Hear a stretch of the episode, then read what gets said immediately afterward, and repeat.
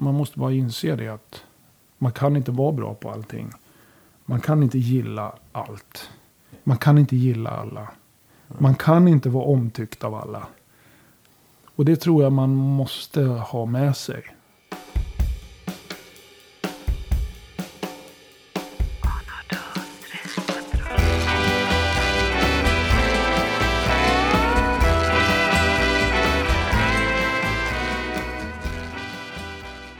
Välkommen hit Ulf Rockis Ivarsson.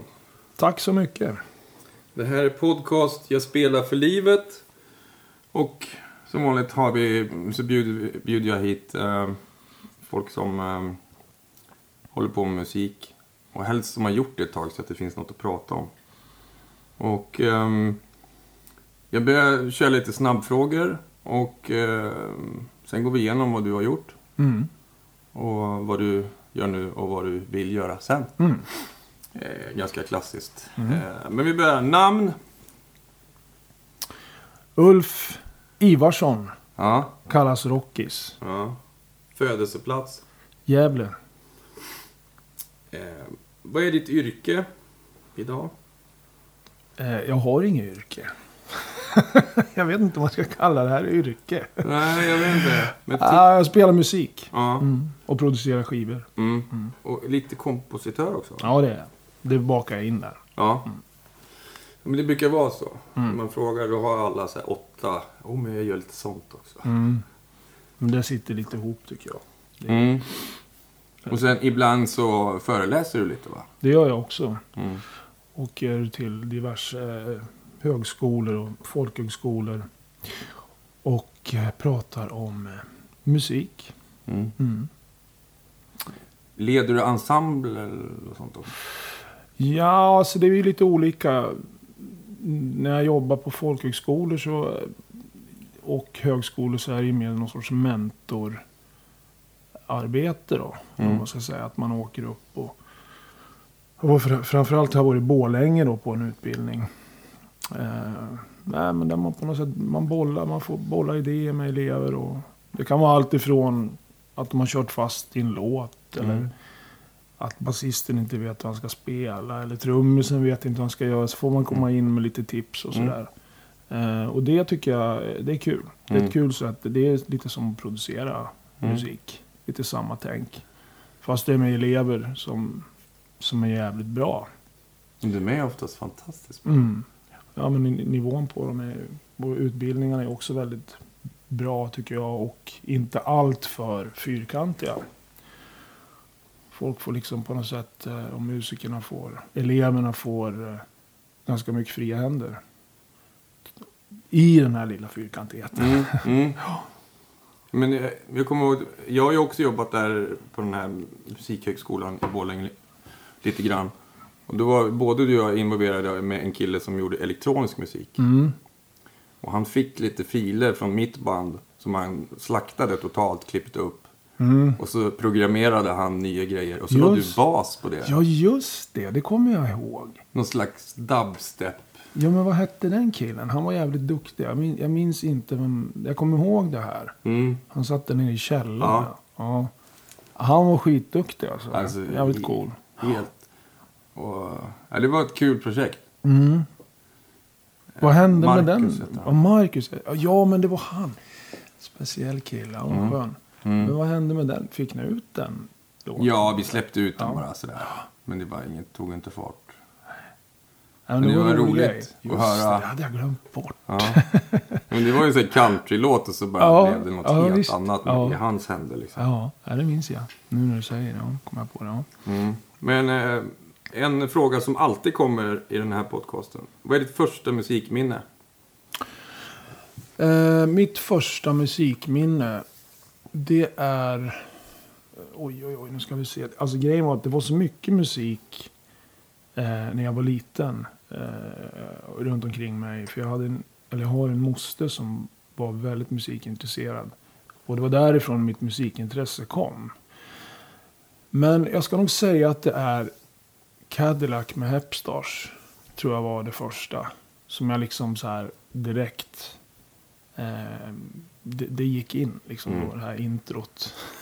Som var en trumvirvel. Ja. Sen var det faktiskt Beatles när jag var tre år. Då fick jag Revolver och en skivspelare när jag fyllde tre år. För om någon anledning så, så pratade jag bara om Beatles när jag var barn.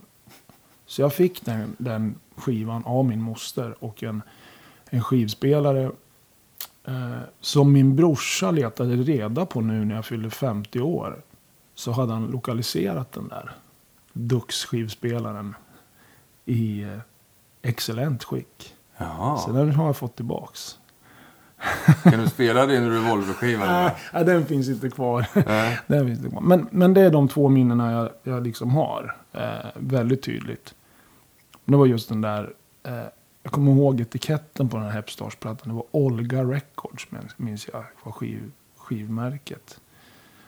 Eh, men men sen, sen som sagt, det var väldigt mycket musik eh, runt mig då när jag var liten. Men just den där Hepstars-låten, den, den, den sitter där. Mm.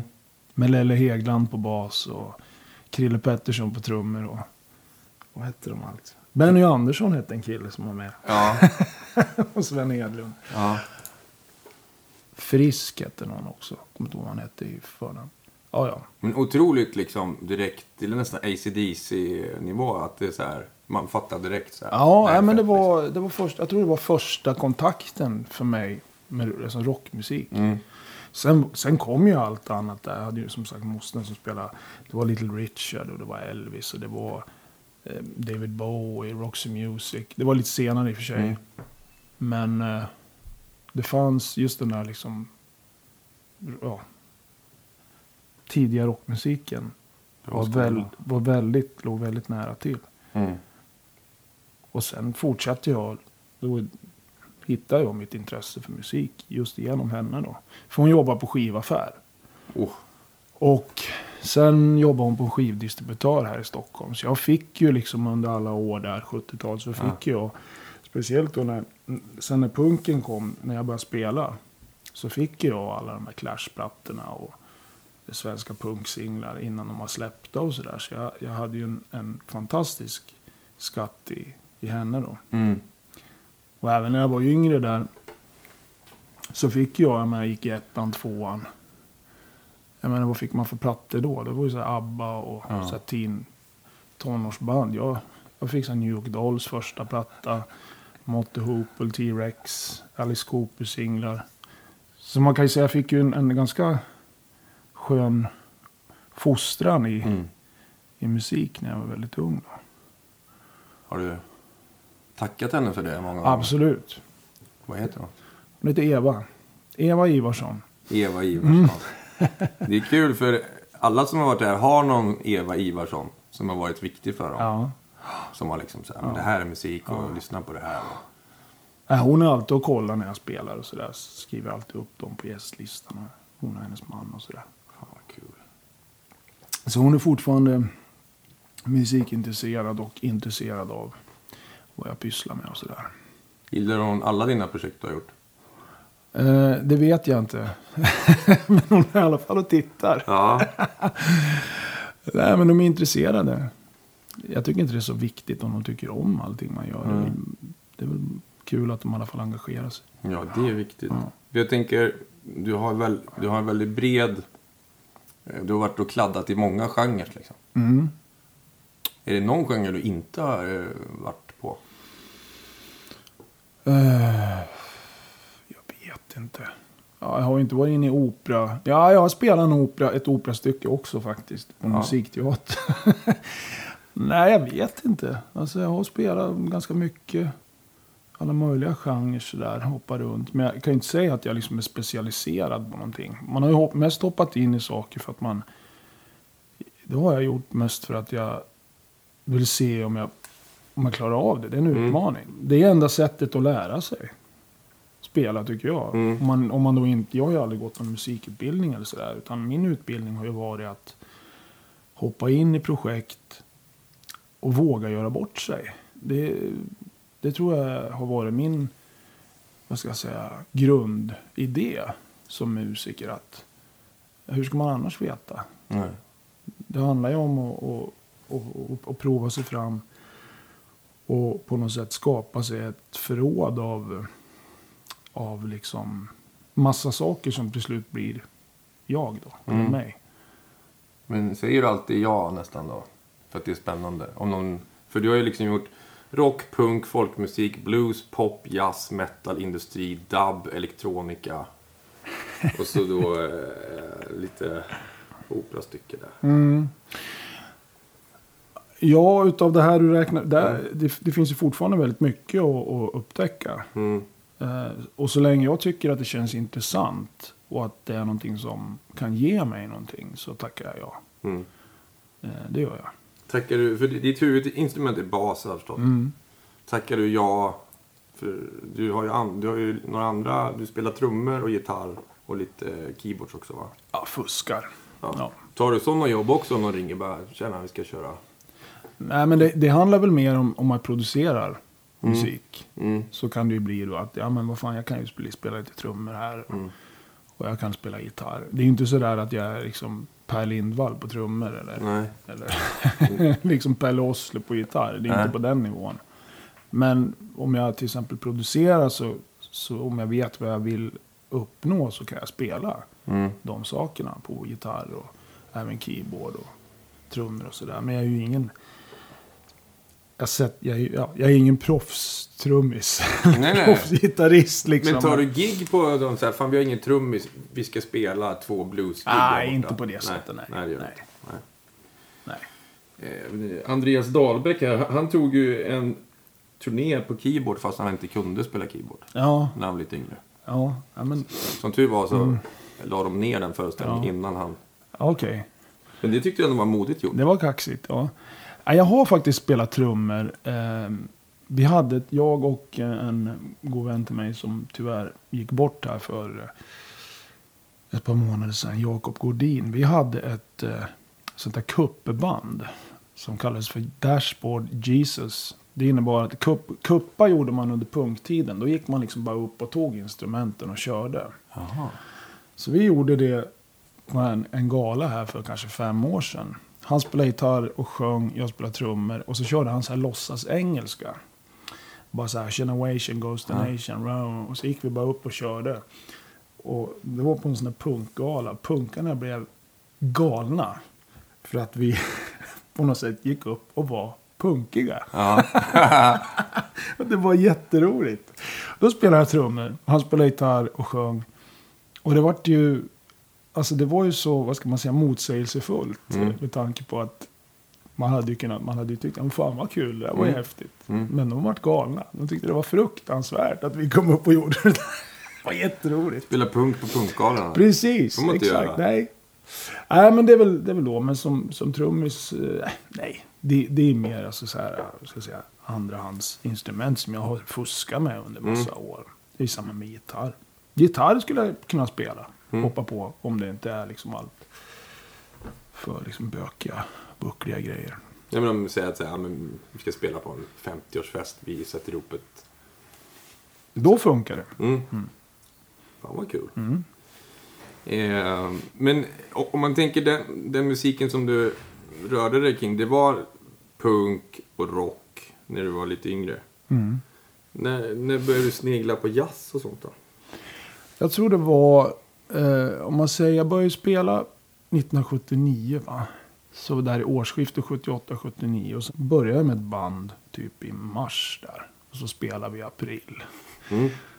Och du kan ju tänka dig hur det lät. Men det var ju skitkul va. Mm. Och då in med punken. Då var det inte så viktigt liksom. Hela idén byggde på att alla kunde. Mm. Eh, och att det var bas och sådär, det var ju... Det hade kunnat bli var som helst. Utan det var bara, man, alla skulle ju spela någonting under den tiden.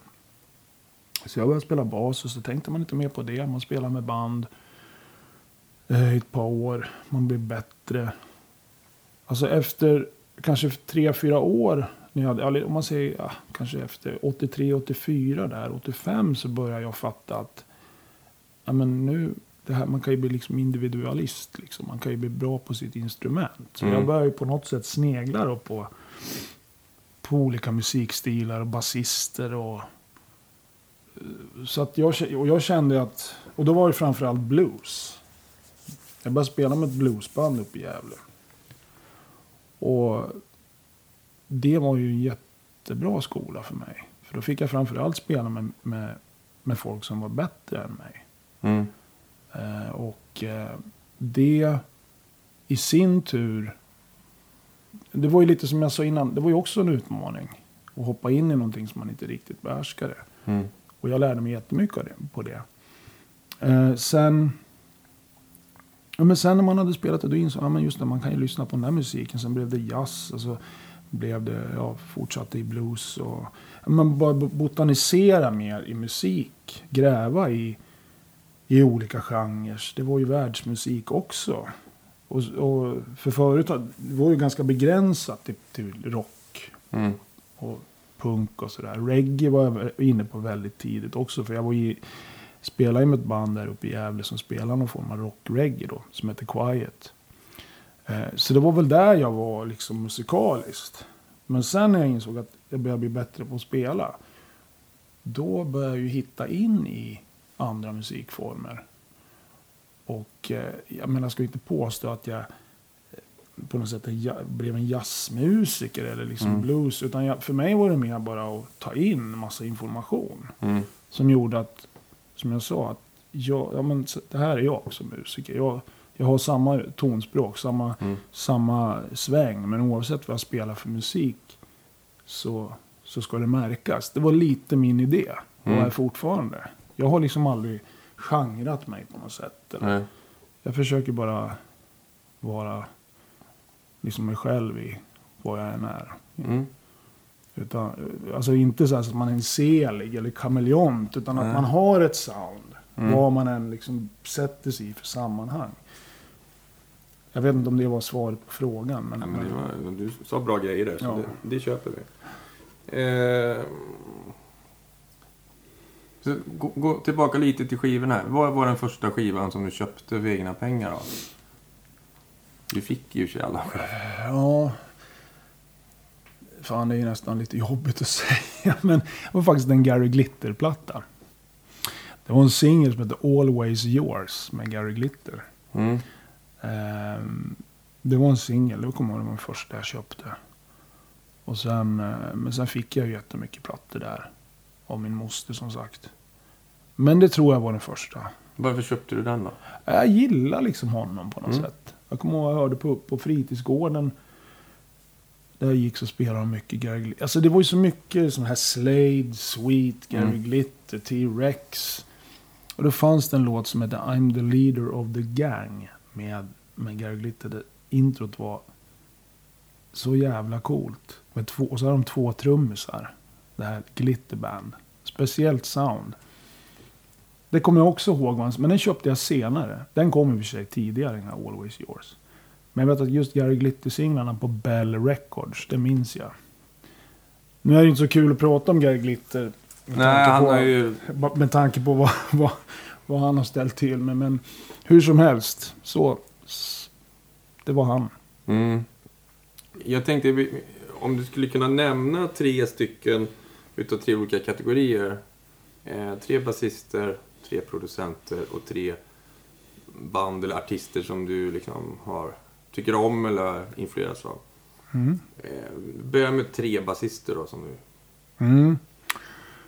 Oj, det är svårt. Um, Robbie Shakespeare. Um, Duck Dunn. eh, och Bill Laswell. Som du ska göra någonting med snart. Mm. Eh, De två första, vad, vad är det och vad, vad spelar de i? Eh, vad sa jag nu då? Robbie Shakespeare sa jag. Ja. Robbie Shakespeare, han är ju med i den här duon Sly, Sly and Robbie. Mm. Det är ju alltså ett reggae.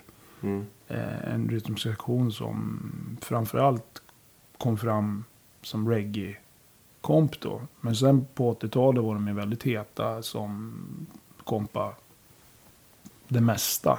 Mm. Dylan, eh, Grace Jones.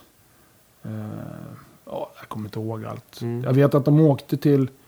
Eh, alltså de, de var ju så, här, så, så pass heta så att James Brown, det här, det här jag vet inte om det är en skröna, men James Brown åkte till Jamaica för att de tyckte att han skulle samarbeta med Sly Robbie. Eh, och så kommer han hem efter två dagar. Äh, de kunde ju för fan inte spela. Så. för du vet, de är ju så jävla basic. De är ju så Mm. otroligt minimalistiska. Det Mm. finns ju inga sådana ghost notes som Nej. de här Clyde Stubbenfield Mm. och liksom de här trummisarna gjorde. Utan de, det är ju liksom jätte, han tyckte inte det svängde. Så han kom hem efter två dagar. Ja, hur som helst. Eh, vad sa jag mer? Duck Dunn, han spelar ju med eh, Stax. Eh, Mm. Alltså skivbolaget. Han var i husbandet där med Steve Cropper, Al Jackson eh, och eh, vad hette han? Booker T. And the MGs. Och han är väl lite, roll, liksom, tycker jag, the role model för, för blues. Mm. Liksom basismen eller vad jag ska säga. Simpel, s- sväng, rätt Mm. tonval. Eh, och så vidare. Så honom gillar Men det finns ju miljoner liksom. Ja. Nu kommer jag liksom på tre. Ja, men jag tänker Ja. tre... Ja, Sen finns det sä- säkert 30 till. ja precis. Och imorgon är det kanske tre Ja men så är det. Bill Laswell är en favorit. Honom har jag följt sedan jag var liksom tonåring. Och jag har alltid tyckt att han har varit jävligt intressant och spännande. Visionär, risktagare. Eh, som på något sätt har gjort, gått sin egen väg fullständigt. Både som basist och som producent. Eh, men som basist tycker jag att han är en, en, en hybrid av eh, all, de här två som Mm. jag bra, Mm. nämnde innan. Eh, men han är lite som upptäcktsresande i musik och har, har ett, tycker jag, ett väldigt fascinerande omfång som, som musiker Mm. överhuvudtaget. Han är häftig. Mm. Han är väldigt liksom inspira, inspiratör. Men Kul att ni, ni har grejer på gång då. Mm. Vi har ett, ett projekt på gång. Träffade honom här nu för ett tag sedan i New York. Vi har haft kontakt i 12 år Mhm. till och från. Vi har träffats tidigare. Men nu liksom när jag på något sätt eh, utkristalliserade den här idén så, så kände jag att nu måste vi göra någonting på riktigt. Han gjorde en remix på en dubbplatta som jag släppte för ja, sju år sedan. Det var så vi liksom började jobba tillsammans första gången.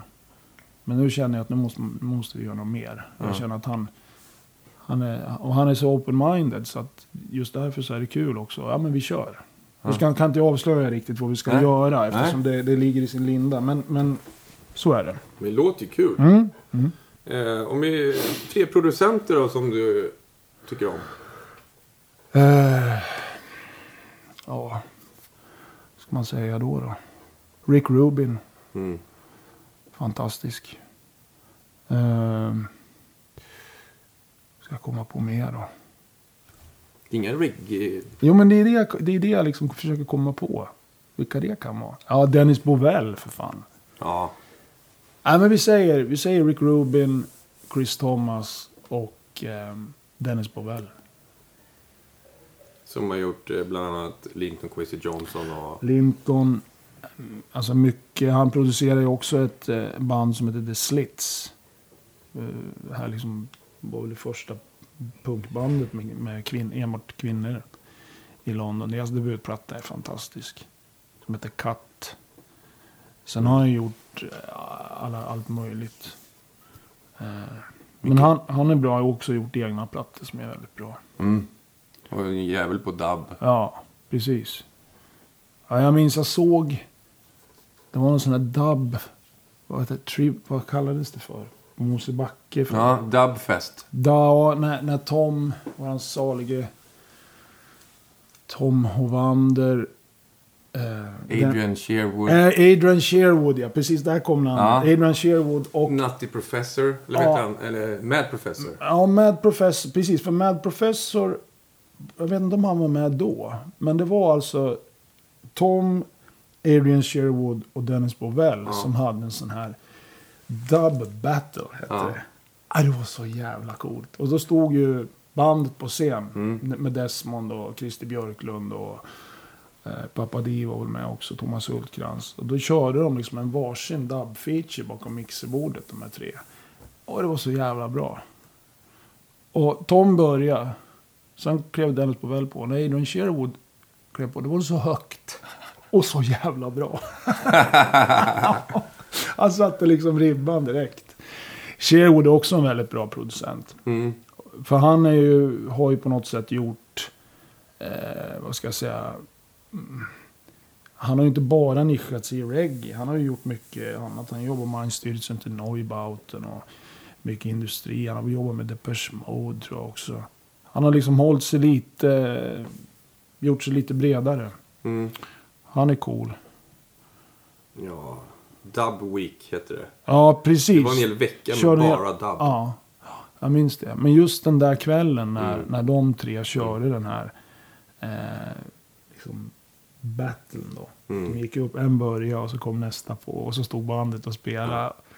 Och jag kommer ihåg när Adrian Sherwood gick på, då, då, då stod alla på scenen och gapade för det. Det var så högt. Alla bara, vad är det som händer? ja, det var helt enormt. Ja, det var cool. Det var en häftig upplevelse. Mm. Ja, det är inte så många som har Dub Weeks nu för tiden. Nej, det är väl, men det var väl också mycket tack vare Tom, Tom, ja. Mm.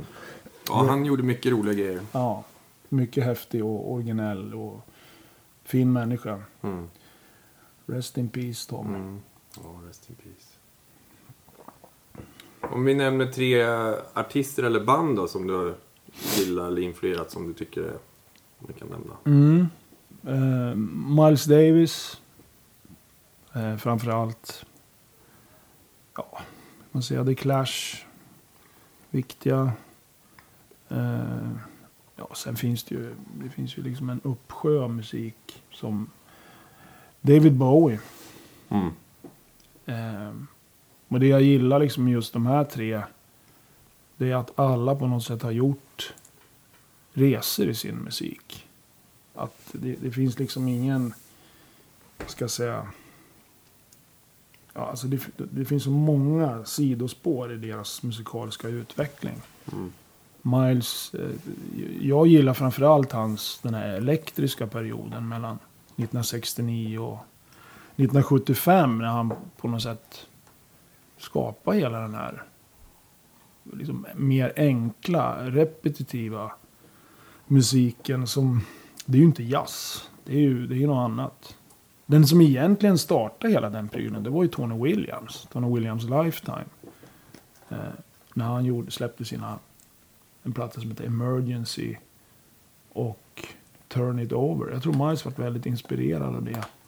För det var liksom på något sätt så year zero musik. Det var, Mm. vad är det här? Det är liksom en blandning av rock och jazzmusik. Och det Mm. vart ju sen, sen vart, kom ju den här titeln jazzrock då. Mm. Men det var ju sen när man på något sätt, när det vart en genre och då vart den ju väldigt tråkig. Mm. Men just Miles, eh, In a Silent Way, Bitches Brew, eh, On the Corner. Och så finns det en, en, en filmmusikplatta som heter Jack Johnson. Som handlar om boxaren Jack Johnson. Det är musik som, man kan inte sätta etikett på det. Det är bara liksom reser på något sätt. Det är, bara, det är liksom en hybrid av, Mm. av jättemycket olika element. Är samma sak liksom med The Clash. Visst, det var ju, de kom ju punken. Men de hade ju, till slut så hade ju de en, en bredd som, som var fantastisk med rock, reggae, jazz, blues, Ska. ska, ja, precis hela, liksom ett omfång. Och jag menar, risk, riskade rätt mycket liksom. Mm. Och de var ju tvungna att göra det, för de ville ju inte fastna i sitt liksom, Mm. punkfack. Precis som Miles inte ville fastna i sin jazz, eh, liksom, Mm. facket och, och bli liksom en... Det var ju inga puri, puritaner på något sätt, nå, Mm. någon av dem. Samma sak med David Bowie. Han var en fantastisk eh, musiker och, och, och konstnär som var, jag menar han gjorde ju inte all, allting var ju inte fantastiskt. Men, men det, och det, det är ju samma sak med alla de här tre. Eh, ibland, be, bety, ibland kan det bara betyda att det de gör är bättre än liksom, att det är bra musik. Eller att, att själva liksom, vad ska jag säga, idén varför Mm. de gör det är liksom bra, bättre än själva liksom låt. Att de vågade göra det, Mm. just det där. Det kan i sig vara mycket mer intressant. Än att det måste vara bra musik. För om man, om man tittar tillbaks på det så. Miles Davis han, han tog ju oerhörda risker. Han, han var ju totalsågad av jazzkritikerna. Alla de här plattorna var ju, var ju ingen som tog i dem. De fick ju liksom en, vad ska jag säga, alltså, på, vad ska man säga, postumt eller vad man ska säga, e- ett erkännande. Mm. Eh, och, och samma sak med, med Bowie när han startade Tin Machine till exempel. Han ville bort från hela den här rock, liksom, elefant, vad säger bantamkonserter liksom. Ja. Med, med massa glasspindlar och han ville bara ner, ner till marken igen och spela rock med sitt band. Och det tyckte ju alla var förfärligt. Mm. Jag tycker det var ganska bra. Jag tycker, men det var, han ville ju han ville göra något annat. Mm. Och han tog bara ett beslut att jag måste bort från det här stora etablissemangsmusicerandet. Mm. Och ner på klubbnivå. Och det i sig var ju coolt Ja. Och häftigt. Snarare än att, att han måste prestera och göra tio svinbra låtar på en platta. Nej. Alltså beslutet, förstår? Mm. Beslutet Mm. av att göra sådana saker kan vara bättre ibland än själva Mm. slutresultatet. Mm. Men det inspirerar ju andra och får igång någon Ja. slags rörelse. Precis. Fan vad bra. Så att eh, det, det är väl liksom tre viktiga för mig då. Mm. Som jag på något sätt kan se liksom en likhet. Hur de har utvecklat sig som, som musiker och band. Och vågat gö- göra saker som, som ingen annan har gjort. Liksom. Eller jag vet inte. Men det känns, känns som att, att du har lite det i dig också. Du spelar runt i många olika genrer. Sen har jag inte jobbat jättemycket med dig. Men jag kommer ihåg när vi jobbade med den här Marcus då. Mm. Då var det så här, ah, men det måste finnas ett liksom, element som ligger och skaver lite. Mm. Tyckte du. Mm. Annars blir det inte intressant. Liksom. Nej, just det. Är, det, är det någonting som du brukar ha, liksom att du vill vända och vrida lite på? För du är ju producent, du producerar ju eh, Sivert Öjem som Mm. är Norges största Mm. artist, vad jag har Mm. förstått. Mm. Med så här, ja, han är liksom verkligen household och, och som sjöng i Madrugada. Ja, just det. Som är deras Kent kan man säga. Ja. Men också eh, Tåström har du också gjort rätt mycket produktioner med. Mm. Hur ser det ut eh, när du jobbar med... Ser det annorlunda ut med Sivert eller med Tåström när ni ska liksom... När du ska producera dem? Ja, alltså om man börjar ta det i rätt ordning då. Mm. Så var det ju så att Sivert hörde av sig när han hade hört den här plattan som jag gjorde med Thåström som heter Bevä- Beväpna dig med, ving, bevä, Beväpna dig med vingar. Mm. Heter den. och eh, han tyckte den var bra. Han tyckte det lät bra och han ville liksom in i den ljudvärlden. Eh, och eh, det, men det är ju det, är det som är att producera. Eh, det är ju så olika från dag till dag. Att producera Thåström är ju inte samma sak som att producera Sivert. Eller vem, vilken annan som helst. Nej. Utan man, det man har att förhålla sig till är ju den personen man jobbar med. Det materialet. Och den person han, den, den här människan är. Mm. Jag menar, man kan ju inte ta, ja men visst, jag, vill, jag tycker den här Thåström-plattan låter häftig. Man tar ju inte bara det ljudet och så häller man det över den där artisten och så Nej. blir det bra. Nej. Utan då, då tippar det ju bara över och blir larvigt. Utan man måste ju hitta... Alltså i det fallet så gör ju Thåström och Sivert ganska... Det är olika musik va. Mm. Och Sivert är ju mer harmonisk i sin musik. Och då kan det ju bli, ja men det där kan man inte föra in. Det, det blir bara konstruerat Mm. om man ska på något sätt. Då får man hitta det här skavandet på något annat sätt. Mm. Och jag menar, jag tycker på något sätt att man måste... Man måste hitta någon... Alltså det är ju jätte, om man till exempel, det är jättelätt att spela in en platta. Det kan ju ta en dag om Mm. man vill. Spela in ett helt album. Mm. Men, men det måste få ta tid att hitta den här kärnan av... Till exempel nu har jag jobbat med ett band som heter Solen. Eh, som släppte sitt, eh, jag tror tredje album nu. De har fått väldigt bra respons. Och då känner man att man måste ju gå liksom lite tillbaka och lyssna. Hur kan man förbättra det här? Hur Mm. kan man få er in på något annat spår? Mm. Och för mig som producent så tycker jag att det viktigaste är att man på något sätt... Hur ska man kunna förstöra det här lite grann på Ja. ett bra sätt? Ja. Alltså att man inte är så trygg i liksom det som redan, "Ja, men det här är bra, det här som är gjort tidigare, det, det liksom funkar. Det är, en, det, är en bra lösning, vi fortsätter med det. Det, det tycker jag är ganska trist. Mm. Men det har jag lärt mig jättemycket faktiskt när jag jobbar med Thåström. Det är han som, han är lite den som har inspirerat mig också. Till att tänka så. För han är ju en väldigt, ins, väldigt en inspiration tycker jag. Jobba, har ju varit en inspiration att jobba med. Han har väl också bytt hela tiden? Ja, men han försöker ju hela tiden utifrån liksom de medel han kan gå vidare. Och eh, liksom prova. Jag menar visst, det kan vara samma ackordsföljd. Han, liksom, han har ju sitt förråd liksom Mm. av, av, av eh, tonalitet. Men han vill ju hela tiden vidare soundmässigt Mm. och textmässigt. Och, och det har ju varit otroligt inspirerande. Och, och jobba med honom. Och där har jag lärt mig jättemycket. Och det är just det som jag känner när jag jobbar med, med, med band eller artister. Att det, det, det får inte vara för lätt. Det får Nej. liksom, jag menar det blir för trist. Jag menar man kan, man kan spela in en platta på, på en, två dagar och alla sätter allting på första tagningen och fan vad bra vi är. Men, Mm. men det man lyssnar på måste ju på något sätt, man måste känna att det finns ett sound. Det finns liksom ett avtryck i musiken. Och vad gör du då? Går du in och bara, fan kan vi prova att spela mogbas istället för bas? Ja, eller? det, kan vara, det, det kan vara var som helst. Det där är så mycket i stunden vad som Mm. händer. Det kan vara precis en sån grej. Det kan vara att vi måste liksom brusa till det här. Lägga på lite oväsen, lite Mm.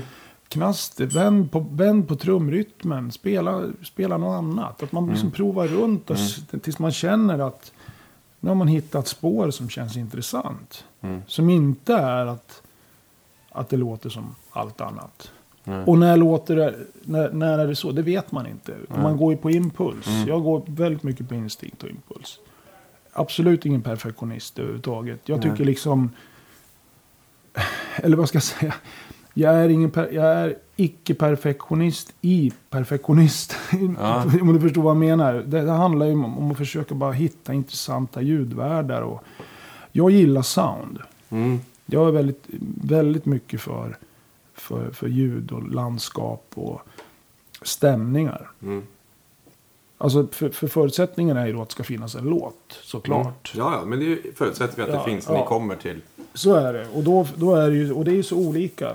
Men till exempel det som är, funkar för, för Thåström kanske inte funkar för Sivert. Nej. Men grunddel, eller solen eller vad man nu Mm. jobbar med Mm. för, för projekt. Jag var ju nere och gjorde en platta med en tysk sångerska förra året. Som heter Andreas Schröder. Eh, och det var, hon har gjort tre, två plattor tidigare. Och det var jävligt intressant. För att där känner man att hon är en så fantastisk sångare. Eller sångerska. Förlåt. Så där känner man att man kunde. Det finns ju liksom ett bagage med plattor. Mm. Och då känner man att här, här kan man ta det vidare genom att göra precis så där som jag sa. Att man skaver till det på hennes sätt. Mm. Alltså jag har ju inget recept för, Mm. för eller facit för hur man producerar musik. Det, det får man ju utgå ifrån utifrån den man jobbar med. Mm. Och den personen liksom är hur, hur, vad vill du göra? Hur mycket kan man liksom samarbeta kring Mm. sound och, eh, ibland funkar det inte. Ibland funkar det jättebra. Men hur, eh, du kanske känner av så här, hur långt kan jag ta det här? Nu är det dags att Ja, gå och fika istället liksom. Eller liksom brukar de liksom vara medgörliga? Det är, jag förstår att det är mer eller mindre, men jag tänker om du är en sån producent som kommer in och har idéer och vill prova liksom. Eh, Nej, men förutsättningen för att man tar in en producent mm, är väl att man ska på något sätt komma med, mm, med idéer kring musiken. mm, Annars är det ju ingen idé. Jag har ju hamnat i sådana situationer där jag, där jag har jobbat med människor och, och så, jag så men varför, varför är jag här? Varför, var, varför har ni ringt till mig för överhuvudtaget? Ja. Jag, jag får inte jobba. nej. Du är mer en tekniker då? Ja, men då har man ju inte förstått eh, liksom idén och, och, och rollen av Mm. vad, vad man ska göra. Men är du så här arbetsskadad så du kan höra en låt på radion eller tv och bara fan här skulle man kunna... Går du igång på låtar och bara fan här kanske man skulle prova? Ja, ibland gör jag det. Mm. Men ofta så hör jag så jävla dåliga låtar så att jag tycker liksom inte att det, det, det är väldigt sällan det händer. Men när det händer så, fan shit, det där är, det där Ja. är cool. Hur Vad är det då som, man, som du går igång på? Nej, men det Kan, kan, det? det kan ju vara allt ifrån... Eh, men dels, så här, jag är ju väldigt inne, jag är ju liksom en rytmperson också. Jag gillar ju rytmsektion. Det Mm. kan ju vara att, fan kan de inte ta bort den där jävla hi-haten någon gång kan jag tänka. Ja. Varför ska alla trummisar spela på den där förbannade hi-haten? Kan de inte spela på något annat? Ja. Kan jag känna. Ja. Liksom. Så fort en trumslagare ska börja spela så spelar de det där hi-hat-kompet. Kan de inte spela på en puka eller vänd på rytmen? Gör det Ah. intressant. Man, alltså man, man skulle vilja gå in ibland och Mm. känna, kan du inte bara liksom kliva utanför din liksom trygghetszon och, Mm. och göra något annat kan jag känna. Spelar ingen roll. Trummis var ett exempel. Det kan Ja. vara gitarr eller... ja. Eh, Men det är där det Bas. brukar... Ja men bas och trummor är ju Ja. Det är ju det som man lyssnar på. Det och sången är det jag lyssnar Ja, alltså, sång, alltså framförallt så är det ju sången. Alltså det är den som styr låten. på. Mm. Det, det är ju förutsättning, om det är pop eller rockmusik vi pratar om så är det ju sången. Finns inte den så finns ju inget. Det är någonting som måste skjuta sången framåt. Och det är ju, det är ju ljudlandskapet bakom. Mm. Det tycker jag är... Eh, som, alltså om man inte tänker sången då, då tycker inte jag att man är en bra producent överhuvudtaget. Mm. Sången är det man lyssnar på. Mm. I alla fall, jag har ju jobbat med väldigt bra sångare och sångerskor. Så jag har ju tur. Mm. Jag har jobbat med Thåström, jag jobbar med Sivert. Ja. Så det är ju som ett uttryck som är otroligt inspirerande att jobba med. Ja. Eh, Låter du Sivert ta extra tagningar för att du tycker att han sjunger så bra ibland? jag vet att eh, det var så lustigt. Det första vi gjorde tillsammans. Då, när jag skulle börja göra den där plattan med Sivert. Nu släpptes ju den för det, fyra år sedan. Tre kanske, tre år sedan. Då hade jag som idé att vi skulle göra demos först. För att, liksom, jag, ville, jag ville göra tydliga idéer. Hur jag ville att det skulle vara. Mm. Med soundscapes och rytm. Jag programmerade upp trummor och spelade ganska mycket själv. Och då vet jag att Sivert sjöng hemma hos mig. I mitt vardagsrum. Mm. Och det är den sången på den låten som är med på plattan. Mm. Som han, satt, han satt på min säng och sjöng. Mm. Han kunde inte toppa det. Nej. Utan, och det är, samtidigt så är, ju, är det ju sådär också att man måste ju lära, lära sig och, och, och säga till de här personerna att nu, nu räcker det. Vi har. Det är bra nu. Det är också ett, eh, sen när det gäller Sivert, det är också den där osäkerheten. Jobbet är ju att säga, men vi har, det, du har gjort det bra nu. Mm. Du kommer inte göra något bättre. Mm. Eh, även med Tåström. När man jobbar med honom. Man måste, man måste säga till att nu har vi så det räcker. Mm. I hans fall så är det ju det där att han är ju fortfarande i textskrivande när han jobbar. Mm. Så att det är ju, det är ju liksom lite annorlunda. Han, han sitter ju samtidigt som han, vi jobbar fram musiken så kommer han, alltså han blir ju aldrig, han blir klar med texten. Det sista han blir. Mm. Så att det är ju också ett, eh, ett väldigt speciellt sätt att jobba på. Till skillnad mot Sivert som, som han, han är väldigt klar. Han har, det var samma med Andrea. Mm. Det är liksom, då är musiken färdig. Joakim han är väldigt, eh, alltså han, han, han, han vill prova, det är nya texter, nya textfraser. Så det blir liksom klart in i det sista. Men det är också häftigt, det är hans Mm. resa, det är hans sätt att, att, att vara kreativ. Eh, Sivert har sitt sätt. Ja. Solen har sitt sätt. Alla Ja. har, det, så det är det jag menar. När man producerar människor så får man ju, det man har att utgå ifrån. Man, det är inte så att man har liksom en bok, så här ska man göra när man producerar musik. Utan Nej. Det är så olika beroende på vilken man jobbar med. Mm. Och, och hur den personen eh, liksom agerar och reflekterar över sin musik. Det är där man måste mötas. Mm. Så din roll blir lite annorlunda mm, i, i vilket sammanhang du är? Ja så, ja, så är det ju. För att alla, alla, alla personer man jobbar med tänker på olika sätt. Mm. Så man får ju förhålla sig till det. Alltså man, man måste ju på något sätt... Eh, måste, hur ska jag säga? Jag är ju inte bättre än den musik jag jobbar med som producent. Och vice versa. Nej. Så jag menar, jag måste ju på något sätt förhålla mig till det materialet och den personlighet jag jobbar med. Det är ju samma som när man spelar musik. Mm. Det är ju ingen som är...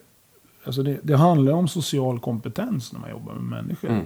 och i studio och producerar. Det, det tycker jag är... Har man inte den, då blir det ju svårt. Ja, nej men då blir det den här gammaldags liksom, producenten som bara... Nu ska du spela det här Ulf. Ja, men och det beror ju på vad man gör för musik. Liksom. Det, så kan man ju också jobba. Om man, Mm. om man, om man nu sätts inför det. Ja, men Den så Anders situation. Burman. eh, Ja, ja, precis. Men det var ju ett sätt att producera Mm. musik på. Men så, så jobbar man ju då när man hade den här eh, tekniken. Man, Mm. eh, nu ser det annorlunda ut. Mm. Eh, nu kan man jobba, man kan jobba, och det är väl bra att det är så. Man kan Mm. jobba på massa olika sätt. Det finns liksom inget, inget regelverk för hur man producerar musik eller spelar in eller hur man gör. Det viktigaste är att när slutresultatet kommer ut så fan det vart bra det här. Resan däremellan. Den är ju, det är ju bara liksom en häftig, oj kunde man göra så här med den här Mm. personen och, Mm. och så kunde man göra med den. Och, Mm. det är ju samtidigt jävligt intressant. Men till slut, i slutändan när det är klart så, så, så är det väl så att ja, så här blev det. Utifrån vad den här personen och jag kunde prestera tillsammans. Eller Mm. bandet. Mm. Hur ofta är man oense? Finns Vä- någon? Ja, väldigt ofta. Åh herregud. Uh. Ja du. Hur löser man det då? Ja. Provar man två sätt? Ett som är ditt och ett som är bandet och så... Ja, det är också A och väldigt... Väldigt ja, alltså det är väldigt svårt att... och- och- Eller det är så olika. Jag jobbar med band till exempel. Det är ju väl, det är väldigt mastigt. Mm. För då är det fem eller sex personer som ska, ha, liksom, som ska enas om en åsikt. Alltså Mm. det är ju så. Sen ska jag då på något sätt gå in och, i, i, och, och liksom få, få deras, vad ska jag säga, ömsesidiga eh, idé att bli lite bättre. Utan att göra det ovän med allihopa. Ja, Mm. och ibland blir man ju ovän, men det ingår. Det ingår. Det, Mm. blir, det, blir, det, blir, det, blir svår, det blir tjafs och det blir bråk och det har hänt att folk slänger i dörrar och går. Det är Mm. känslomässiga grejer, men det ingår. Mm. Det, det är ett jobb. Liksom. Det är ett Mm. hårt... Att producera musik är... Det, det har jag märkt nu när man har gjort det ett tag. Att det är... Det är fan tufft alltså. Mm. Men det är jävligt kul. Ja. Men det är ingenting som jag... Som jag... Liksom... Om man, om man är en konflikträdd person, då ska man inte producera musik. Nej. För att då blir det inget bra. Nu ska inte jag sitta och skryta att jag är liksom inte är det. Men jag, jag, vad, jag vill me- vad jag menar är att man måste ha lite jävla skinn på näsan för att jobba med, med liksom ganska starka personligheter. Jag menar, jag jobbar med Thåström, jag jobbar med Sivert. Mm. Det, det är personer som vet vad de vill. Mm. Men de kanske inte liksom riktigt kan sätta det på print. Nej. Utan man får liksom hjälpa till. Mm. Och när man hjälper till då så kanske det är så att äh, men, det var inte så jag tänkte. Och så blir det liksom det här dynamiken. Och då måste jag som producent vara stark. Det är jag som är ansvarig för Mm. att det här ska komma ut och att det ska Mm. levereras. Mm. Så att jag tror att det är jätteviktigt att man har en tydlig bild och att man är tydlig Mm. som producent.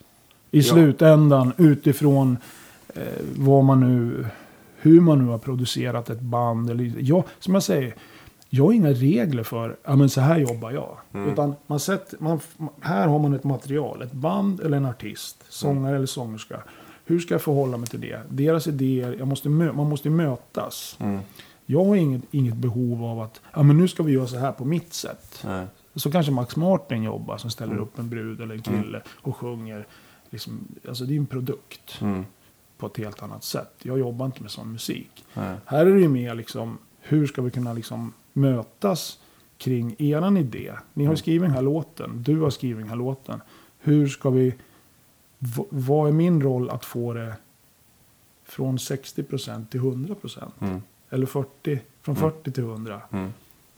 Och det kan ju vara att man måste kompromissa. Man kanske går in, nej nu, nu får, ge mig fria händer. Mm. Får jag två timmar på mig att skriva det här stråkarret. Till att eh, jag klipper ihop en bra sångtagning. Eller jag har en idé på en basgång. Eh, ge mig en halvtimme så får jag presentera den för basisten. Så spelar du. Och så behöver jag kanske lugn och ro. Det där är ju, man måste ta de här besluten liksom, just här i, i, i, i stunden. Eh, och det, det kan vara, det är en utmaning.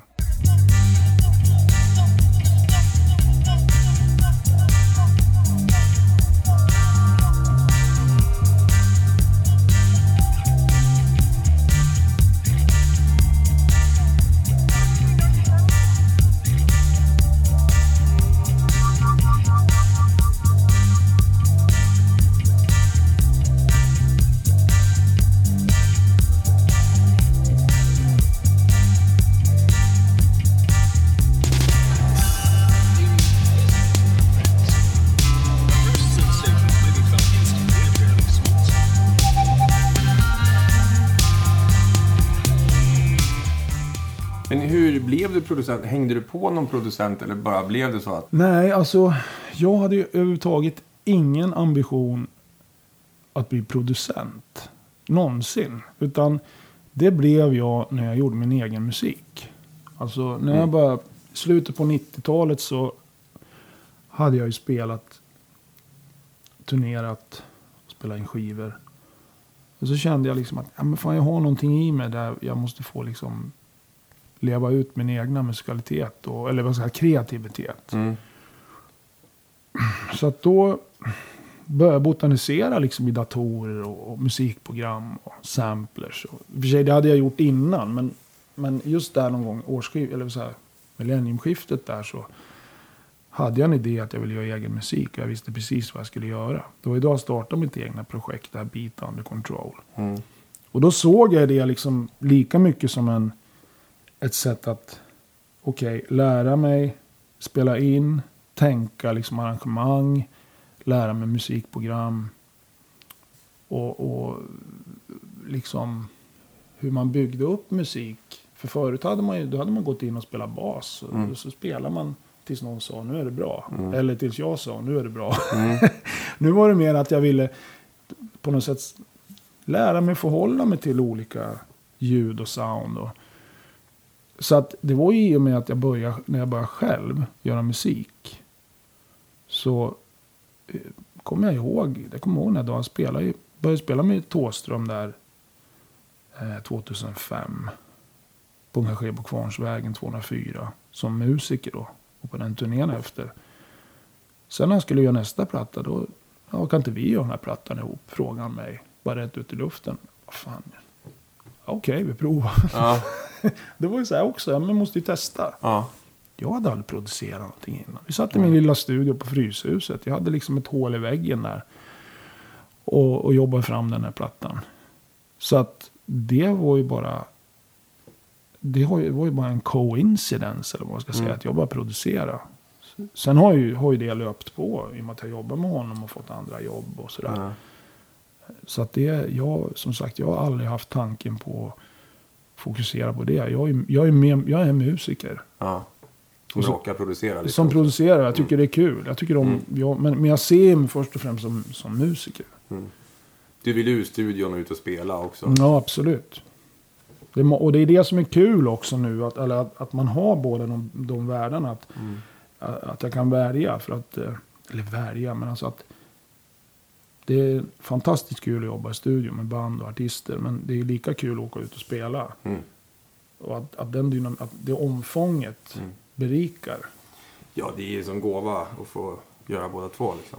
För mig är det jätteviktigt. För att då blir det liksom att jag tröttnar. Då hinner jag inte tröttna på att göra musik i Mm. studio. Eh, Som det är nu till exempel. Förra året då producerade jag ju tre album. Det är ganska mycket. Det är mycket. Då gjorde jag Andreas Gröder i Berlin. Då jobbade jag ju. Det var ganska intensivt. Och det, den hade en deadline. Och den höll vi. Eh, Den gjorde vi på en månad. Och det är, det är ganska snabbt alltså med, med Med grunder, ja allting där. Jobbar med en tekniker som, som heter Viktor van Vugt. Som var väldigt begåvad. Han från Australien, barndomsvän med Nick Cave och Mick Harvey. Han kommer från det här Bad Seeds-gänget. Mhm. Och han bor i Berlin, han mixar den plattan. Och han är ju producent själv. Okej. Så när Andrea föreslog, ja men vi, vi ska spela in med Viktor. Vad fan ska vi spela in med Viktor van Vugt? Han är ju producent, han har jobbat med, med liksom Depeche Mode och eh, The Pogues, Mm. Bad Seeds. Vad fan ska jag in där? Mm. tänkte, Mm. jag, men kom ner och träffade honom, skitcool. Han spelade in, han mixade, jag producerade. Jättebra samarbete. Ja, nu gled jag från ämnet lite. Men den, den, den plattan spelades in då början på förra året. Och så jobbade jag parallellt med Solen. Och så gjorde jag även ett band som heter Farsta. Det. Med, med Gurra Ljungstedt från Ebba Grön och Hasse Edström från Raketerna och Grisen Skriker. Eh, jättebra platta. Mm. Och det, det, den plattan påbörjades av eh, Sanken Sandqvist då. Men han är A&R för, eller på, på BMG, så att han hade inte tid att göra klart. Så jag fick förfrågan av att avsluta albumet. Mm. Men så att, och så Solen, så man kan ju säga att tre album, två och en halv platta kan man säga, Mm. Gjorde jag under förra året. Och, och nu kände jag, efter det kände jag, fan nu vill jag spela mer. Jag vill liksom komma tillbaks Mm. till min musik, mus, liksom musicera. Så nu, nu är jag tillbaks och spelar mycket. Och, Vilka lirar du med nu då? Nu ska jag ut och spela med Roffe Wikström i sommar. Det blir blues. Mm, det är kul. Bra band. Eh, Peter Koronen på trummor.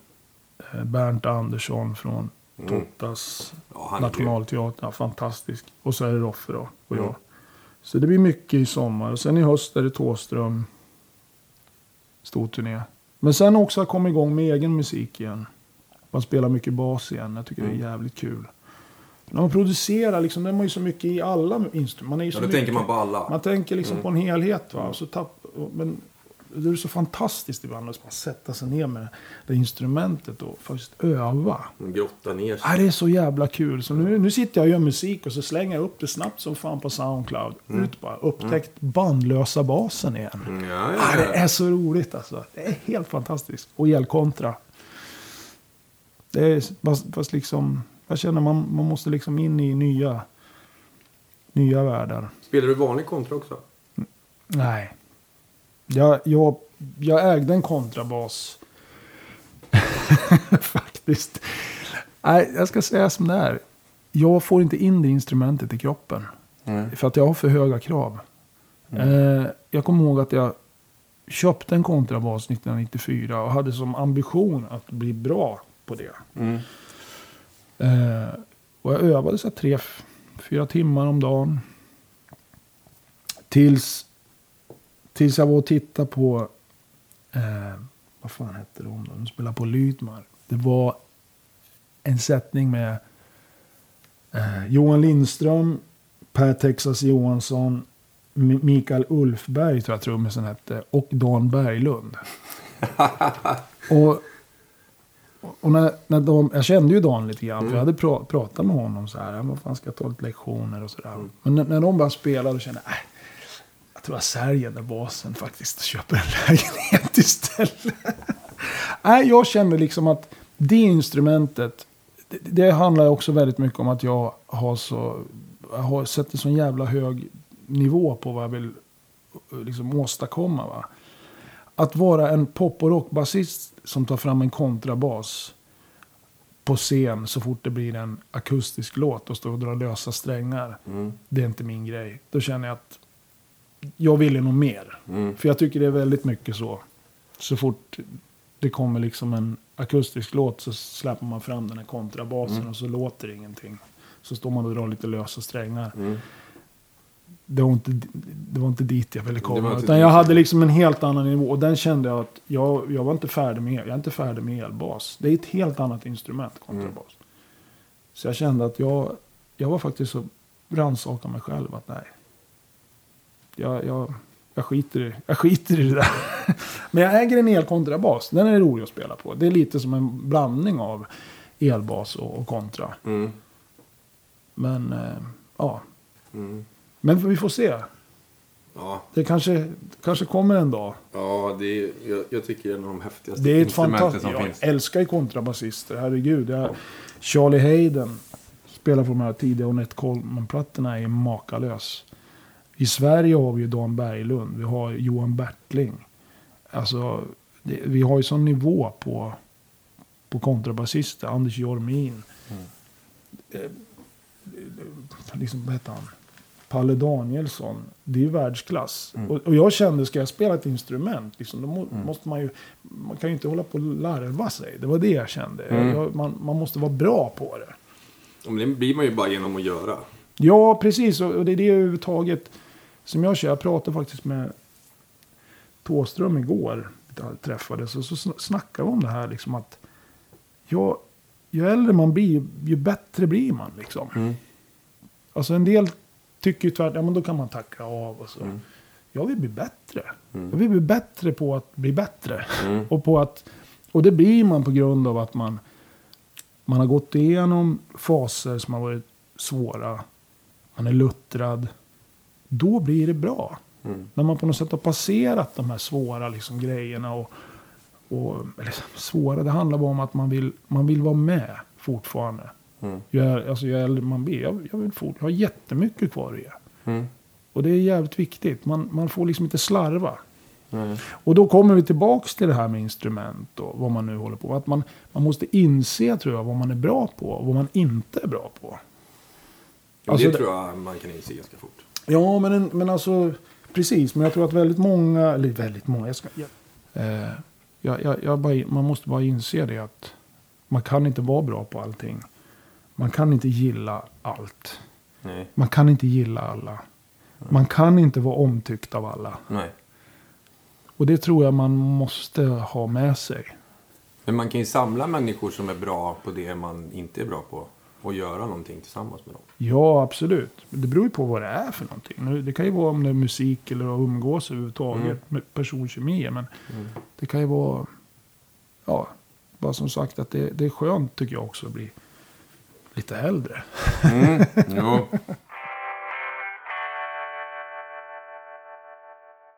Det här med att turnera och spela mycket. Du har ju ändå spelat med Sky High. Som, de har väl spelat mest av alla i Sverige känns det som. Eller ni. Jag spelar mycket med Klas. Var med i två, två omgångar. Mellan 91 och 95 första. Och sen 2005 till 2013 spelade jag med Klas. Och Klas har ju varit väldigt viktig för mig eh, som musiker. Jag tror han är väl den som på något sätt har fick mig att liksom blomstra och våga våga liksom spela ut. Men ni var ju bara tre. Vi var tre och, och jag var ganska ung när jag började spela med honom. Och då var det så skarpt. Ja, men vad fan, han körde igång med låt. Inga setlister. Man hade lärt sig en repertoar. Och då var det bara att hänga på. Och ibland var det låtar som man inte ens kunde. Och då kan du lista ut hur det, hur det slutar. Men det är sånt där som man... Det, det är det jag menar, liksom, att alla sådana grejer är viktiga. Mm. Alltså att eh, man, man kan stå där och göra bort sig och spela fel. Men det, det ingår, allting ingår i, i musicerande. Mm. Och jag tycker det är, jag har lärt mig jättemycket av det. Och just glas att, ehm, ja men nu får du spela solo här. Men jag kan inte spela bassolo. Liksom, när jag var 20, 25. Ja men du får väl, du får väl lära dig då. liksom lite den Ja. grejen va. Så att han har ju varit en, en oerhört liksom, bra mentor. Musikaliskt för mig. Liksom. Jag förstår det. Och just de här trio-spelningarna. Eh, där, där det liksom bygger på någon form av komposition. Men mitt, mitt i där så finns det liksom ett, ett eh, glapp där man kan improvisera. Mm. Har ju varit väl, alltså det, det tycker jag är fantastiskt kul. Ja, för du får väl fylla ut lite mer om det är trio och om du spelar bas, tänker jag. Ja, där får man ju absolut, ja, precis. Och det är ju det som är utmaningen. Mm. Jag är jätteglad att jag har spelat så mycket i trio. För där får man ju på något sätt lära sig att fylla och Mm. fylla ut och, och, och också inte spela samma sak hela tiden. Att, Mm. man, att man hela tiden på något sätt försöker tänka lite olika för varje gång man spelar den här låten. Från kväll till kväll. Jag menar det är skillnad när man spelar med, med Thåström. Då är det liksom repat och det är ju liksom en maskin.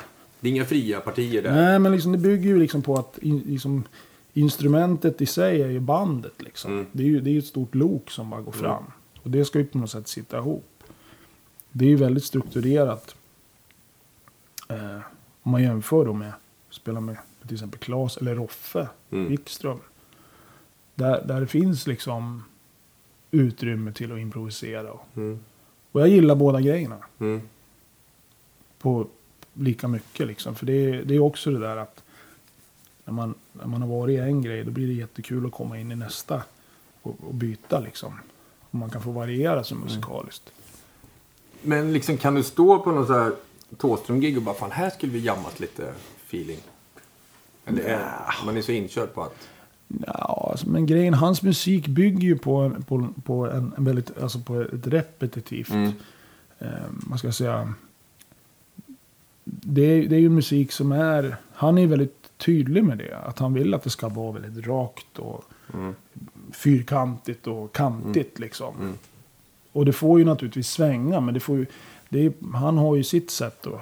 Han är inne på någon form av europeisk musik. Mm. Som inte bygger så mycket på, på liksom afroamerikanskt sväng liksom. Man kan ju ta in element ifrån Mm. naturligtvis. Herregud, Pelle Oslo spelar ju fantastisk bluesgitarr.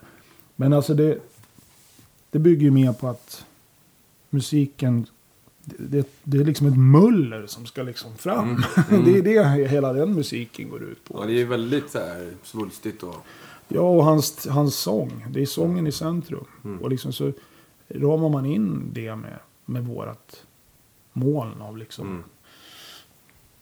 Jag brukar säga att hela liksom, Thåströmbandet är ju som ett, det är, ju som, det är ett, ett instrument liksom. Mm. Det är ett sound. Det är inte så mycket att man visar att man är bra på att spela. Nu flashar jag runt och Nej. spelar de här grejerna. Utan då får man spela med något annat. Mm. Det är liksom sätta, sätta sitt, sitt prägel på liksom ett helhetssound. Mm. Så är det inte riktigt med Claes Yngström då. Nej, det är ju åt andra hållet. Mm. Fan, kul att du får med i båda de världarna. Ja, men det är fantastiskt. Det är det, liksom, det är det som gör att det är roligt att hålla på liksom, och spela. För att det finns olika eh, säga, förhållningssätt kring musik. Och, och att man behärskar det. Mm. Det tycker jag är jättekul. Sen spelar jag folkmusik också. Men Hedningarna var du med i. Ja, jag spelar med Hedningarna. Eh, mellan 95 till 98 var med. Spelade ett instrument som heter basmandora. Och det var alltså en specialbyggd, ett specialbyggt basinstrument för just Hedningarna.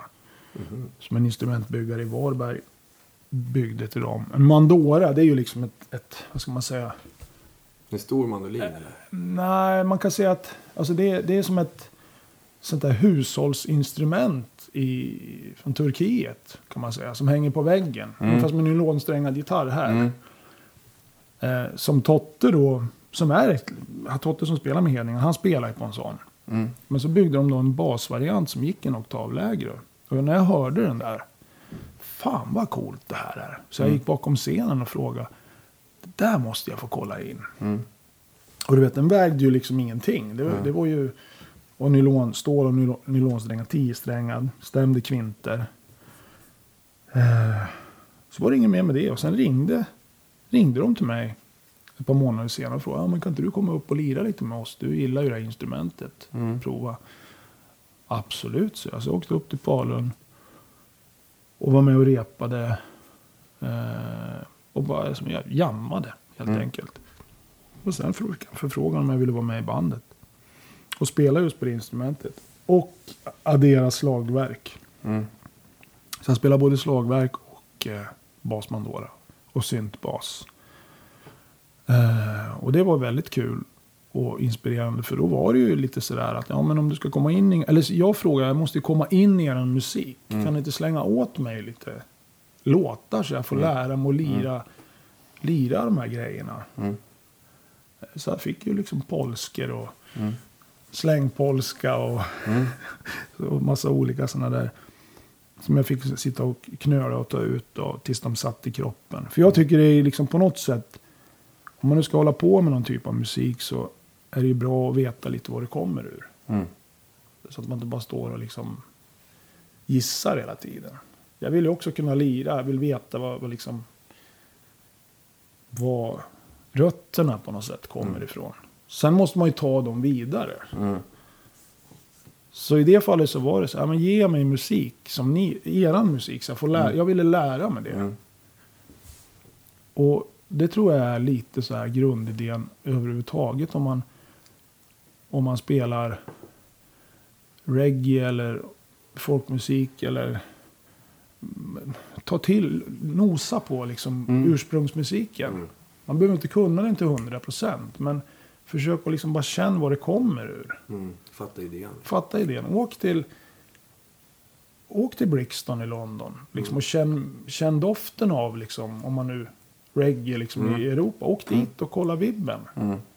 Eller åk till New York om du vill liksom, känna den vibben. Försök Mm. åka till Europa och nosa på liksom, elektronisk musik. Åk till Düsseldorf eller Berlin och Mm. känn. Mm. Det, det tycker jag är liksom... ehm, det är väl det minsta man kan göra om man vill botanisera i, i sound och Ja. musik. Och att man reser liksom i, i den och, och, och, så att det finns på något sätt en trovärdighet i, i vad man pysslar med. Men du, har ju, men du har ju varit mycket i liksom Dalarna. Det är ju liksom folkmusikens hjärta på något sätt. Det är det. I Sverige i alla fall. Absolut. Jag var ju där mycket när jag jobbade med Hedningarna. Sen har jag också varit, jag spelar ju med en orkester nu, en folkmusikorkester som heter Magnus Stinnebom. Folk Music Orchestra. Och vi gör ju två konserter varje sommar uppe i Sunne i Värmland. I, på Västanå, eller orkestern heter Magnus Stinnebom, en Västanå Orkestra heter den. Och då bjuder vi in gäster och och det är ju lika, det är också så här nytt för, var- för mig är det ju också Mm. en utmaning att spela den där musiken. Eh, liksom Magnus och hans fru Sofia, liksom, det, det bara rinner ju ur dem. De har det ju naturligt. Mm. För mig är det så här, eller tror jag för de andra som är med också, som kommer lite ur pop och rockvärlden, Mm. att fan det här är ju, här, här har man någonting att bita i. Det, måste finnas lite tuggmotstånd när man Mm. spelar musik. Det känner jag. Ja men går man från rock till reggae det är ju... Ja, Det går ju inte på så här. Nej, nej. Det måste finnas något att tugga i liksom. Om det blir för enkelt då det blir för tråkigt. Folkmusik är ju svårt. Det är jävligt svårt och Mycket bökigt. konstiga rytmer och... Ja, men hela den här liksom polska, liksom släng. Pol, det finns polska, det finns många som helst. Och det, och det, man, ibland spelar man bara grundtoner, men att betona dem på rätt sätt, det är inte lätt alltså. Nej, men det är jättekul. Så det gör vi ju varje år och så åker vi ut på turné ibland och sådär. Så att jag försöker liksom fylla Mm. fylla liksom livet med, med musik från alla, alla håll och kanter. Ja.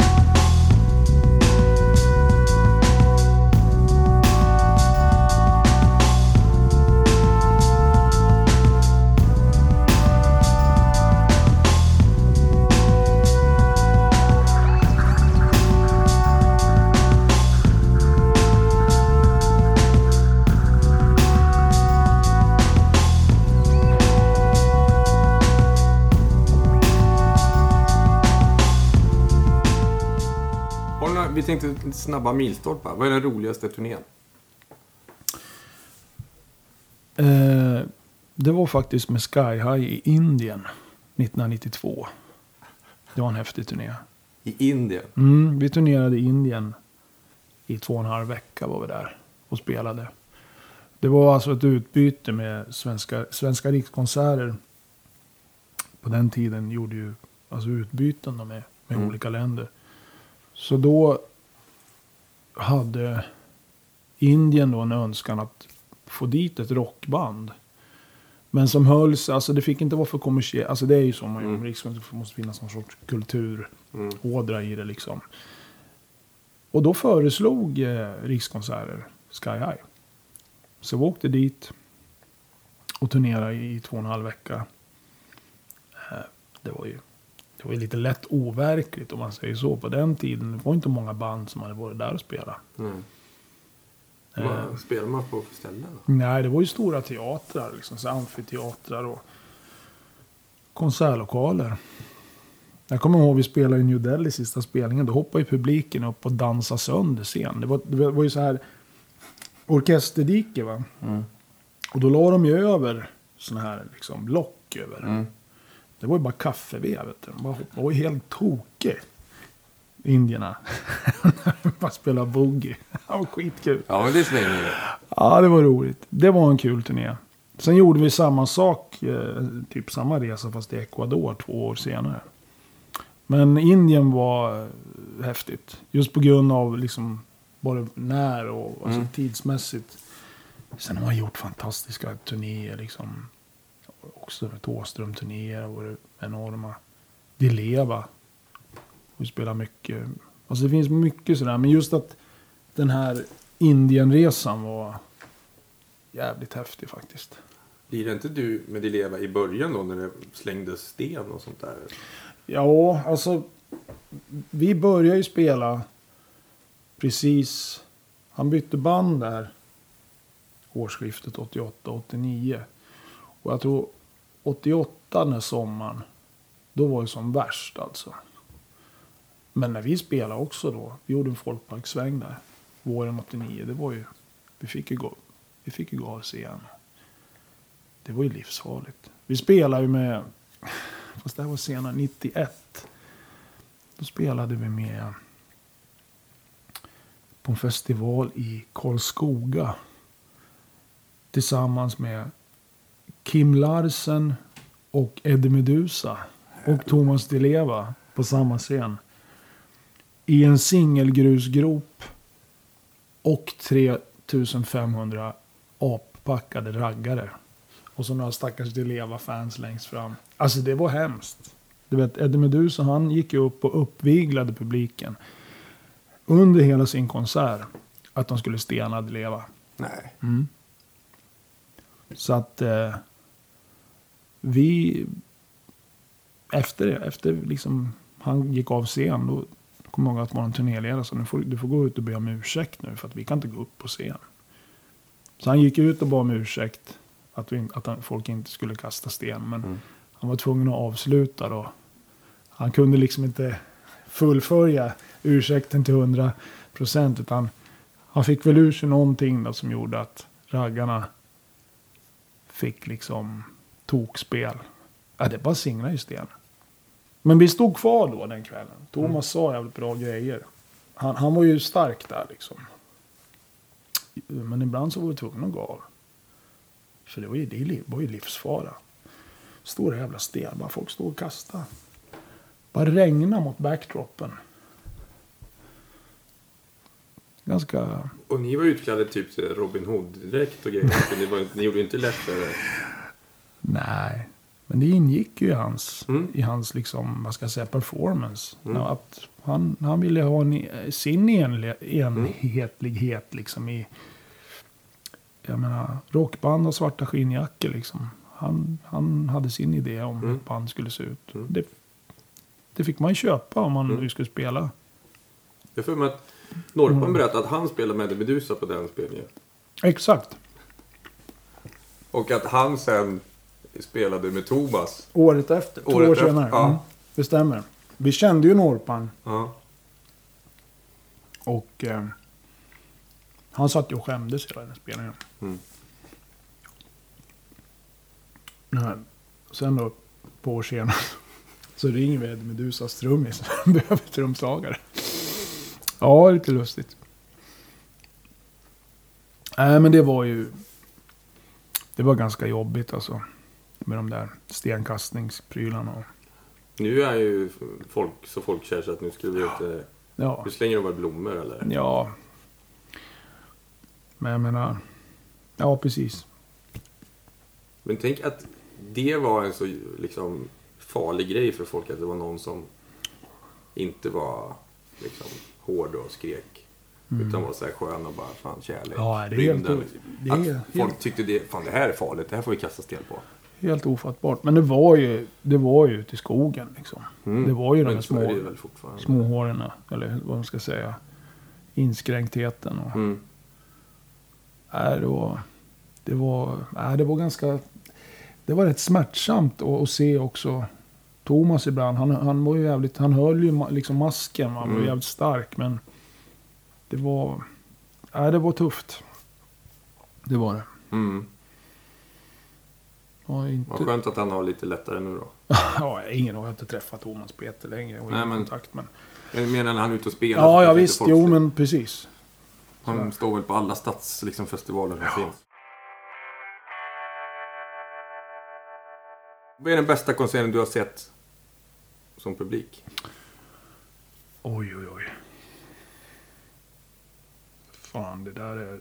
Jag var och såg en fantastisk konsert i New York här för en vecka sedan med en jätteung bluesgitarrist som hette... Vad hette han då? Saron Crenshaw hette han. Och det var, det var ju bra bara för att det var där. Alltså, Mm. oj, det här var ju skitbra konsert. Mm. Eh, Så såg vi en konsert dagen efter på Village Vanguard, en jazzkonsert. Ja, alltså det är så svårt att säga så här. Allting har att göra med var man befinner sig i liksom livet här och nu. Man kan ju... Man såg en konsert när man var 13 som var så här, wow. Men jag tycker det är så svårt att säga liksom en konsert. Det, det, det, finns, ju tre upp, det finns ju upplevelser snarare Mm. som är häftiga. Jag kommer Mm. ihåg, jag såg Rage, Rage Against the Machine på Roskilde 1994. Enda gången jag var där som publik på en festival överhuvudtaget. Men liksom hela stämningen som de byggde upp när de gick på scen. Och den här publikresponsen. Det var liksom häftigare än själva konserten egentligen. Mm. Vad gjorde de då? Nej, men alltså det var bara en sån total kontakt med publiken. Och de är ett coolt band. Mm. Det var jävligt bra. Men just, just den där... Eh, jag kommer ihåg, de, de bör, hela, det var en låt som började med liksom att de byggde upp ett trumintro så här. Och så när de slår in crashen och han skriker sången. Då, då ser man liksom 40 000 sådana här plastölmuggar upp i luften. Ja. Du vet. Det var häftigt. ja. Ja, men just den här shit liksom. Vilken jävla stämning. Mm. Publikt sådär. Det var en, det var en häftig upplevelse. Sådär. Man har ju sett mycket konserter som helst som är häftiga sådär. Men, men eh, jag kan inte komma på någon. Och så här. Ah, alltså, ja, jag såg Ebba Grön i Gävle 1979. Det var liksom anledningen till att jag började spela. Det, det kan jag säga. Det var en häftig konsert. Det var 13 år. Och då var det så här, wow. Mm. Det här vill jag också göra. Mm. Det, det var mäktigt. För då var man liksom i den åldern också där man kände att man var liksom översköljd av den här energin. Och man hade precis börjat spela. Och då minns jag att men det här ska jag fortsätta med. Det liksom gav en hopp. Mm. Kommer jag ihåg när jag såg den konserten. Sen har jag sett eh, liksom fantastiska musikaliska upplevelser. Jimmy Smith på Fasching var fantastiskt. Såg här för ett par veckor sedan en saxofonist som heter Akira Sakata. En japansk friformsaxofonist. Tillsammans med Johan Bertling på bas. Och Paul Nilsson Love på trummor. På Fylkingen. Hur bra som helst. Så att liksom. Det finns. Alla de här liksom, vad ska jag säga, ögonblicken har ju olika betydelser. Mm. Var man befinner sig liksom i. Nu spelar man ju själv och man kanske sätter högre krav på Mm. Vad en bra konsert är. Eller vad ett bra... Eller vad ska jag säga? Hur man vill bli underhållen då. Mm. Eller vad ska jag säga? Mm.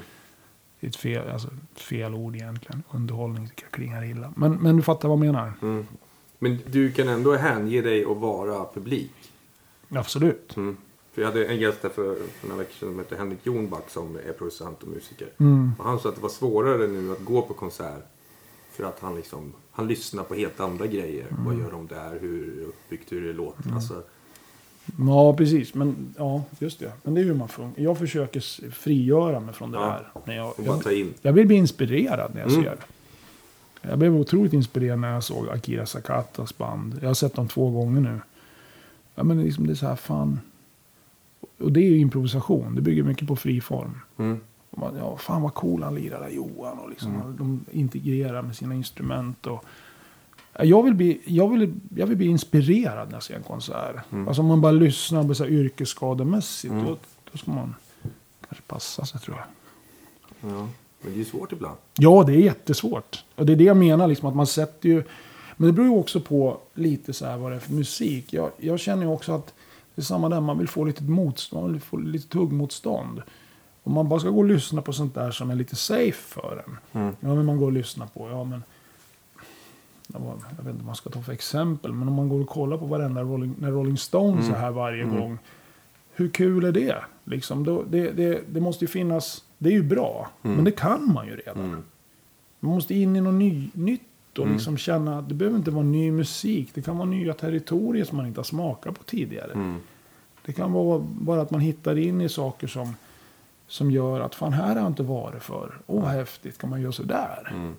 Men om man hela tiden ska hänge sig till något, saker som man redan kan och är Mm. trygg med. Då, då tycker inte jag att det är något kul. Mm.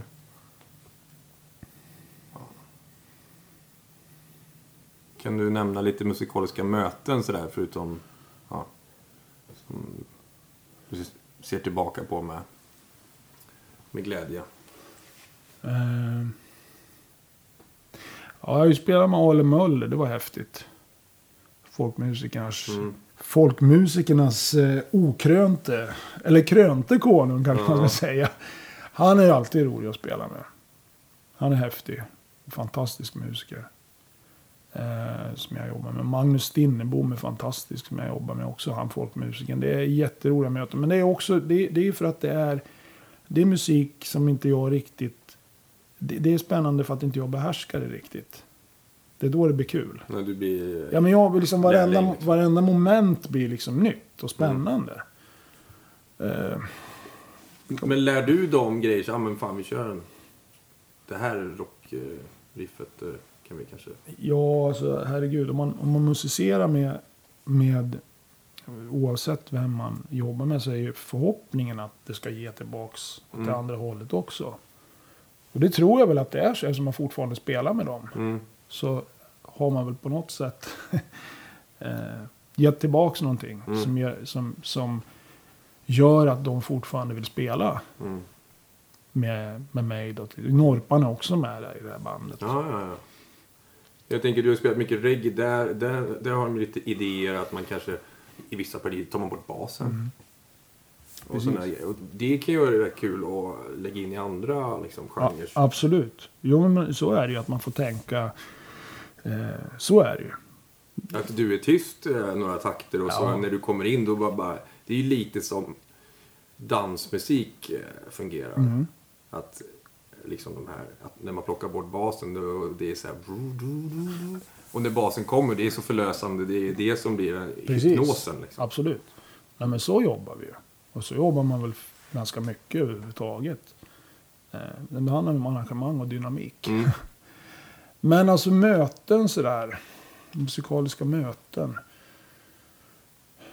Jo, jag kommer ihåg vi var i Ecuador och spelade med Claes Yngström. Då gjorde vi ju också en sån här rikskonsertresa då.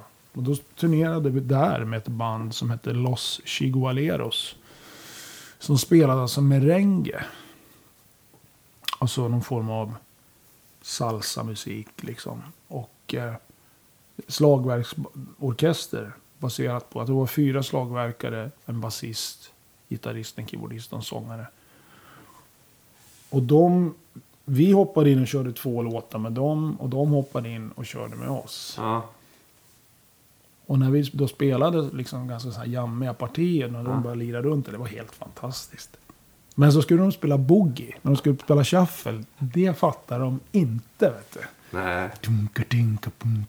Du vet, då hörde man fyra koskäller. De visste liksom inte hur man skulle spela runt det där. Va? Nej, nej, nej. Och de gick ihop i grupp så här. Fan, det här måste vi fixa. Mm. Men då kom att Claes sa, men tänk 12-8. Liksom.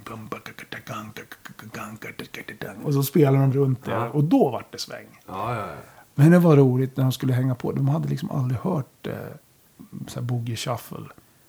Så du vet, de, de, de slog liksom accentuerade som vi gjorde. Va? Så du vet, det var dang, dang, dang, dang, dang. Jätteroligt var det. Men det var ett häftigt eh, möte med Mm. dem. Det var coolt. Ehm, ja, alltså man har ju man har ju haft så mycket möten så där så att man egentligen har glömt, man glömmer ju bort vad man har gjort. Men det var häftigt.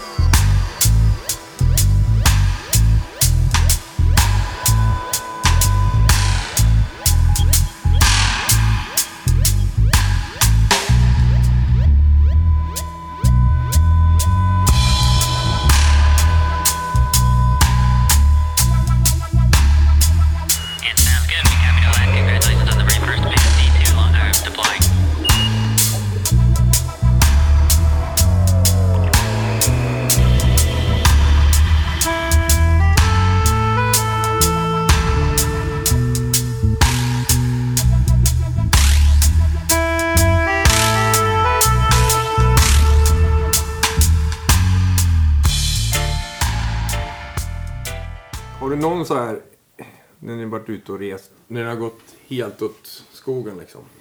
Har du någon sån här katastrofstory? Ja, det är så många så jag vet inte var jag ska börja, ska börja någonstans.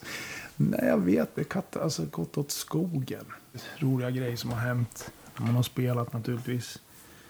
Jag kommer ihåg en situation. Det var när vi spelade med, ja, med Sky High i, i Skanderborg. Danmark då. På en, en bluesklubb där. Spelade två set. Och så i pausen så kommer det fram en tjej, eller en kvinna. Och sätter liksom fingret i bröstet på Klas här. Och så säger han. Du. De där fyra tonerna du spelar upp och ner på din gitarr. De kan jag gå hem och spela på mitt piano direkt. Det här är så enkel musik. Hon bara så här dissar totalt. Mm. Jag tycker inte ens om den här musiken. Utan det är min kille som tar med mig på de här grejerna. Och jag brukar ta med honom på opera. Och det, det här liksom, det blinkar lilla, det här är så enkelt och hur kan ni spela, bla bla bla. Till slut om hon har sågat glas. Så, så vänder hon sig om och tittar på mig sen. Men du ska veta en sak, säger hon till Klas. Du är i alla fall bättre än din basist. och, och jag menar, det var så här underbart. Ja. Jag bara kände, fan det här. Och så, och så det slutade med att, och varför spelar ni inte någon Sven-Bertil Taube? Det var liksom den sista. Det är liksom, ni kommer från Sverige och inte kan spela Sven-Bertil Taube. Hon har liksom missförstått hela grejen. Men just den där sista, det är i alla fall bättre än din basist. Sen finns det en annan rolig historia. Det var också med Claes. Det var första gången jag spelade med Claes Yngström. Och då vickade jag. Han ringde till mig en eh, onsdag, kommer jag ihåg, typ så mitt i veckan. Och så frågade tjena Rockis, det är Claes här. Har du lust att spela lite? Ja, för fan, det kan jag väl göra. Så här, eh, jättekul. Mm. Och skitfränt, men eh, måste åka imorgon för vi ska till, till Danmark. ja, vad ska vi spela då liksom? För jag hade ju ingen aning, jag hade aldrig spelat med Claes. Jag kände honom lite flyktigt sådär. Så vi skrev upp ett set, en setlista. På, ja han bara körde liksom. Och jag hade ju några skyhigh så jag satt ju med direkt och bara planka och Mm. hade freestyle med mig på tåget. Och, och kom ner till Fredrikshamn. Där liksom tog jag nattåget ner. Jag skulle spela på fredagen. Och det var ju bara att gå upp på scen. Vi hade ju inte repat eller någonting. Utan kommer in i det där jävla haschtältet. Alltså det var, det var så jävla rökigt inne där. Och Claes hade sin förstärkarrigg med sig. Trummor och basförstärkare var på plats. Det var en ganska liten sån där baskombo som stod där. Så Trace Elliot hette den. Eh, och jag pluggade i min bas och drog på. Liksom, fan, nu är det högt nog. Så här. Mm. Jävlar, vet du nu. Mm. Och så började vi spela och, och klar, det var högt som fan. Så kör vi Manic Depression, det var andra låten. Alltså Jimi Hendrix-låten. Och, och jag tyckte ju att fan det här är ju, det här är ju skitbra. Det är högt och det fäster på. Det var gitarrsolo. Kommer för Klas fram till mig. Så, så hänger han en ton och så skjuter han upp glasögonen från näsan. Du, Rockan! Slå på förstärkan för fan. ja, du vet. Ja, fan. Och den jävla förstärkaren stod och hoppade på en ölback så här liksom. Du vet, bara drog ju fullt på allting. Mm. Det tyckte Claes att det var för lågt. Det, var, det var faktiskt lite kul. Det är Just det där uttrycket. Den kör vi stadigt med. Slå på förstärkaren för fan. Det betyder att det är för lågt. Ja, Claes är underbar. Det är roligt. Ja, vilken gubbe alltså. Ja. Nej, men det, det är liksom en ynnest att få känna, lärt känna honom. Speleman, verkligen. Mm. För att han valde att liksom inte flytta till USA och inte liksom göra... Nej, men han har, han har en- det, är samma, en väldigt stark integritet. Mm. Och det, gör det han är bra på. Han vet att han inte behöver bo där för att, för att spela det han gör. Mm. Det gillar jag Mm. med honom. Jag gillar det med, alltså jag gillar, det är samma med alla vad jag jobbar med. Jag är väldigt glad att jag har fått jobba med tydliga musiker. Mm. Som är väldigt tydliga i sitt, eh, vad ska jag säga, i vad de gör. Mm. Klas en sån, Thåström en sån, Rofe Wikström en sån, Hedningarna var såna. Mm. Eh, som starka karaktärer liksom. Mm. Jag jobbar med folk som inte är det. Och då, då känner man att när folk förminskar sig. Mm. Det, det tycker jag är svårt. Jag tycker det är svårt att jobba med personer som inte är tydliga i vad de vill göra. Jag försöker vara så tydlig jag kan. Mm. Och då, då är ju liksom kravet som man då har kanske gentemot sin arbetsgivare, sin Mm. chef, är ju att det ska vara detsamma. Mm. För jag som musiker är inte bättre än den chef jag har. Mm. Och person. Det måste finnas liksom en, en tydlighet Mm. från den som står på scen längst fram och frontar. Oavsett om de sjunger eller spelar gitarr. Eller piano eller vad de nu gör. Så måste det finnas den här liksom spjutspetsen. Liksom att det, det, det här gör jag och det, det, man, känner, man känner vad de menar. Mm. De är grundade i sin musikalitet. Alltså nervös, alltså det värsta jag vet är vuxen nervösa personer som är på något sätt fortfarande. Det finns ju sådana som fortfarande är rädda för att göra fel. Mm. Och, och liksom, lit, liksom vad som är hippt och inte. Och vad som är credit och inte. Att, att hålla på så när man är mellan 40 och 50 år. Det är, det är ganska patetiskt. Det är jobbigt. Ja, det måste vara fruktansvärt jobbigt att, att gå omkring och hela tiden vara på sin vakt. För att liksom... För att då veta... För att... Vad andra ska tycka vad man Mm. gör. Mm. Det tycker jag är... Det är rätt sorgligt. Mm. Jag kan förstå det när man är 20-25, liksom Mm. 30, när man är lite osäker. Och, och när man har, alla har ju den fasen någonstans i livet Mm. på ett eller annat sätt. Men när man, när man fortfarande håller på så, när man är, när, när man är i den ålder vi är så är det ganska oroväckande. Men nu ska du ut och spela med Roffe Wikström. Mm. Är han lik Klas i det här fria och byta låtar? Och, eller är han mer strukturerad? Nej, han är mycket mer strukturerad. Han kör lite B.B. King-tänket. Att alla låtar kan bli... Man kör samma sätt. Mm. Och man kan slipa den här pärlan Ja, ja, ja. ytterligare. Liksom. Kul. Han är väldigt tydlig med att det är ofta samma setlista. Och, eh, det är skillnaden.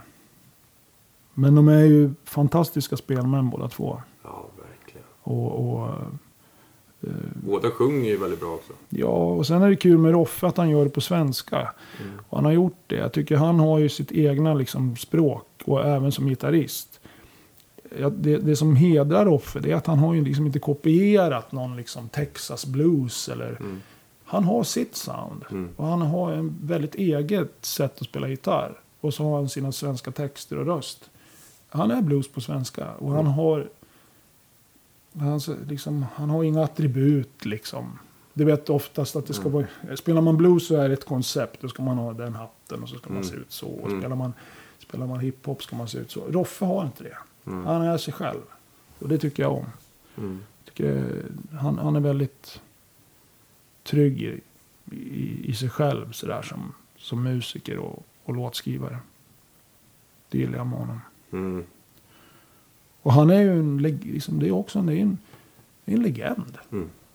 Det är ju liksom ett stycke musik, svensk musikhistoria. Som man får spela med liksom. Det är skithäftigt. Du har verkligen eh, fått leka med många legender alltså. Det är roligt. Man tänker ju inte så. Nej, men... Men man kommer på det när man sitter Ja. och pratar om Ja. det. Att, eh, och- och sen är det, det är väl så också tror jag när man spelar. Att till slut så hamnar man ju där man, där man eller till slut ska man inte säga, men förhoppningsvis då. Så hamnar man ju där man, med rätt personer. Mm. För jag tror att man, man, eh, om man gör det bra. Då liksom den energin liksom dras till, till rätt Mm. sammanhang. Det tror jag. För det är så mycket social, det är inte bara att spela musik liksom. Spela, Det är det är därför vi är där Mm. först och främst. Alla kan ju spela, det är därför, om man nu hamnar i ett musikaliskt sammanhang. Mm. Så är man ju där för att spela. Men du har 22 andra timmar på den där turnédagen. Ja, det handlar om kompetens, Mm. liksom. Social, alltså det är ju, tycker jag är liksom viktigare till slut. För jag menar, om du, om du är så pass musikalisk, om du hamnar i ett sammanhang där fyra personer är jättebra, så en femte är kanske, liksom man får, hjälp, då får hjälpa på traven. Är man ödmjuk så löser man det. Mm. Då ser man till att den personen kommer in. Mm. Istället för tvärtom. Det handlar ju om, var den personen skön? Mm. Då är det ju skithäftigt. Mm. Och få liksom hjälpa någon in i ett sammanhang. Mm. Men det finns ju folk som är tvärtom. Som är skitdåliga att lira och som är riktiga skithögar. Mm. Då är det inte kul. Men de får de jobb nu. Jag vet inte. Det finns väl mer bra musiker än vad det finns gig nu? Det gör det ju. Absolut. Sen finns det ju en yngre, det kommer ju en, liksom yngre, andra, en, annan generation också. Sen, Mm. sen är det ju så att hela liksom, å, världsordningen har ju förändrats precis som musiken också har Mm. gjort. Det ser inte ut som det gjorde för bara fem år sedan. Mm. Och vill man, vill man vara med då, liksom, då får man ju faktiskt... Då får man ju, då får man ju liksom bara hacka i sig att det är så här. Så här ser, det ser inte ut som det gjorde på 80-talet eller 90. Mm. Nu ser det annorlunda ut. Och den yngre, de yngre musikerna och de som gör musik idag, de har ju bara det här att förhålla sig till. De har ju inget facit bakåt. Och jag vill fortfarande vara med. Jag sitter inte och säger att det var bättre förr. Vi är sämre nu i sådana fall. Ja, okej. För att jag menar, det handlar ju mer om att man... All, allting man relaterar till när man säger att det var bättre förr. Det handlar ju mer om att man vill tillbaks till någonting som, som hade med en speciell tid i ens liv att göra. Mm. Jag menar, du kanske har en peak mellan du är 15 till 25. Mm. Oavsett om du spelar musik eller inte. Det är där det händer. Mm. Eller 30. Mm. Sen börjar, sen börjar det liksom hända andra grejer. Du skaffar familj, du hittar andra intressen. Och, och det, är det, det är det nostalgi utgår ifrån. Mm. Ja, men det var bättre förr. Mm. Men jag menar, det är ju, det är ju liksom... Allting är ju bättre här och nu. Ja. Det beror ju på vad du vill själv och hur vill du liksom... Eh, rockmusik är inte som den var 75, Nej. här och nu. Nej. Och det ska vi vara jävligt glada för. Ja. Eller liksom vilken musik som helst. Utan det är liksom våra ungars liksom, frågar min grabb så, så tycker han att det är fantastiskt nu. När han är 12. Precis som jag tyckte Mm. när jag var 12. Mm. Det är ingen skillnad. Nej. Jag tänker mer på det arbetsförhållanden för turnerande musiker. Det finns inte lika mycket jobb, tänker jag. Och det är typ samma gage nu som 82. liksom. Det är, det är, men det är ju en annan Ja, diskussion. men det är mer så, så att är det det är lite tragiskt. Alltså, Mm. Att det sitter genier, duktiga människor som vill jobba men det finns inget Mm. stans för dem att spela. Liksom. Nej, men det, det, är, ju- det är så lite med spelställen. Alltså Ja. till 70-80 och in en bit på 90-talet så hade man ju de här musikforum och kultur. Alltså att man kunde Mm. byta. Man kunde sätta, man kunde åka, åka upp till Norrland och spela Sundsvall, Örnsköldsvik eh, och liksom en stad till. Och då Mm. var, fanns det liksom ett utbyte mellan de tre ställena. Eh, I Gävle hade vi ju musikforum, kallas för Café Q.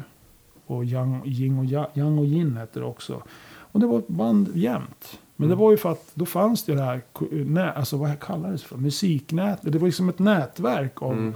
av eh, eh, spelställen. Som, ja men okej, om vi ska upp till Norrland, ja men då har vi kontakt med de här tre ställena. Då får ni lira där. Och Mm. Det existerar ju inte längre. Nej. Men det tror jag hade ganska mycket att göra med den tidsandan också som var då såklart. Liksom du hade ju proggen, du hade punken, all, allt det där liksom hängde ju ihop. Och det fanns ju de här ställena. Det är helt annat klimat idag. Att, att bygga, göra musik idag bygger på helt andra parametrar än vad det gjorde, gjorde då. Mm. Liksom, det, det ska liksom på något sätt kommersialiseras allting. Mm. Jag tycker det är skittråkigt. Ja, men det är det jag menar. Och det verkar inte som att de unga tycker att det här med livemusik är inte jätte, lika viktigt som det var för oss. Nej, men det är, det är samtidigt, jag, jag vet inte, jag tycker det där, deras livemusik, oavsett om det är Summerburst eller Avicii, jag, jag bryr mig inte, bara de lyssnar. Bara de går ut och lyssnar. Mm. Jag har inget problem med det. Deras verklighet är baserad kring liksom den, vad de befinner sig i livet. Mm. Och jag tycker det är ganska taskigt om man hela tiden ska, ska ja men så här, gå, lyssna, du skulle vara, vara med när vi var med. Nej, det är inte det jag menar. Nej, utan eh, men jag tror de söker upp det som är, om de vill gå och se en livekonsert, vad det nu än är, så, så tror jag att är de intresserade så går de och tittar. Är Mm. de inte intresserade så skiter de i det. Så var det ju när vi var unga också. Ja. Men ja, visst, det är alldeles för lite live, liveställen och framförallt ute i landet. Mm. Det håller jag med om. Så det vore kul om, om det kunde få en liten revive. Så att de här unga som vill spela live har någonstans att vara. Ja, För om du är ett nytt band och och bor i liksom Sundsvall. mm. Då kanske du kan spela där men du kanske inte kan åka till Gävle eller Nej, det precis. finns ingenstans. och det fanns ju på grund av Ja. de här kontaktnäten Mm. då, på den tiden. Då skapas det ju att man kan starta Ja. ett band för då kan vi spela. Precis. Men, men jag tror faktiskt att det hade lite med tidseran att göra. Just med Mm. att, att eh, liksom, ur proggen kom punken. Och, och där var det mycket det här göra saker själv. Mm. För det var ju det hela den idén byggde på med musik, de här nätverken. Att du ringde själv och bokade. Eh, och, och bokar man tre spel, då man ringde själv. Mm. Jag vet inte om folk gör sånt idag. Liksom överhuvudtaget. De som är liksom fiffiga gör det. Mm. Men det är ju... Ja. Vi ska inte grotta ner oss i det men... eh, Nej, men jag håller med. Det är, det, det, det är sånt där som är liksom skillnad till, till det negativa. mm. Men det, det har ju också att göra med att hela liksom ordningen för vad musik... Liksom utvecklingen har ju dragits åt ett annat håll. Och det kan man inte göra någonting åt. Man vill gärna visa sina barn så här, kolla det här. Mm. Sen om de inte gillar det så kan man säga, ja men det finns någonting som heter livemusik och de spelar Mm. olika instrument tillsammans. Mm. Här och nu. Ja, ja, visst. Det är lite kul. Det är ju precis. Men det kommer ju ingen att kunna ta ifrån. Det, kan man ju aldrig, det kommer man ju aldrig kunna ladda ner. Nej, musik. nej, det kommer ju alltid att existera. Ja. Sen, sen är det ju tyvärr så att det finns alldeles för lite ställen. Som det här bandet Solen som jag jobbar Mm. med. Som, ja, de är ute på någon sväng. Får, de kanske fick 8-10 spelningar nu i Mm. vår. Och det är ju de ställen som finns i Sverige. Mm. I stora städer. Mm. Har jag, alltså, jag tittar på deras eh, schema. Va? Mm. Eh, om man jämför med då ställen på 80-talet. Så när jag, när jag var ute och spelade. Det fanns ställen i varenda håla. Mm. här kultur, liksom, musikcaféer eller Mm. vad det nu var. Va? Det kanske pendeln slår tillbaka. Om fem år sitter vi här Ja. och det är för mycket spelställen. Det vet vi inte. Ja, nej, men precis. Nej, men, så är, men, men jag tror ju också att det handlar väldigt mycket om vad, vad, eh, vad det är liksom för eh, liksom trender inom, inom... Jag menar, 81 när jag var ute och spelade mina första grejer, när jag var 16, då var det ju liksom... Det hetaste var ju att. Då gjorde man ju allting själv. Mm. Nu är ju liksom kartan åt det andra hållet. Nu ska man, göra, nu ska man liksom... Nu ska man göra slag in Det första som ska hända är att man ska få en slag in på slagfestivalen. Mm. Liksom, Mm. och, och vara med i Idol. Och så ska allting hända så här. Mm. Det är väl det som är skillnaden. Det finns inga hamburger years liksom. Nej, och finns de så märks de inte. För då opererar man liksom i det tysta på något sätt. Mm. På den tiden så var det ju ändå liksom så här... Eh, band som Ebba Grön och Dagvag och sådär. Det, det, var ju det, det, det var ju det största. Mm. Alltså det är ju helt i motpol till vad som är idag. Då. Mm. Det, det är ju lite trist. Men eh, jag tänkte vi skulle runda av snabbt. Snart med vi kunde ha lite projekt som du skulle vilja göra. Mm. Det Som finns du tycker att du har kvar. ja, det finns jättemycket. Eh, ja, jag skulle ju framförallt... Jag känner ju att jag har ju... Det är lite samarbeten som jag har i huvudet så här. Jag skulle framförallt vilja göra mer grejer. I och med att jag gör med solokonserterna med, med... Jag ska ju göra en, en, en platta nu, en soloskiva. Med bara bas. Som bygger på... På... Eh, 50% komposition, 50% eh, improvisation. Eh, nu har jag gjort de konserterna. Jag har ju mest... Jag har inte, spelat, jag har inte dokumenterat någonting än. Men det ska ju bli en platta av det som ska släppas av ett bolag i slutet på året. Så det vill jag göra mer. För det känner jag är... Eh, för mig... Nu har jag gjort, har gjort en tio sådana konserter nu under två års tid. Och det känner jag är en utmaning. Att gå upp med en bas, och effekter och looppedaler och inte liksom riktigt veta vad jag ska göra. Det är ju liksom den totala utmaningen. Mm. Och så har det varit från början att jag har liksom en idé. Idén är att jag ska fatta vad alla knappar och- sound är. Mm. Men vad som kommer ur, det får liksom bara ske. Och det kan ju bli fantastiskt. Det kan Mm. bli pannkaka också. Mm. Men är, nu har jag gjort det här. Och jag ska göra en platta. Och det vill jag utveckla mer med samarbete med andra musiker. Jag kanske gör duospelningar. Ta in blås, kanske, kanske ta in till bas. Eh, och, och, liksom, som bygger just på basen.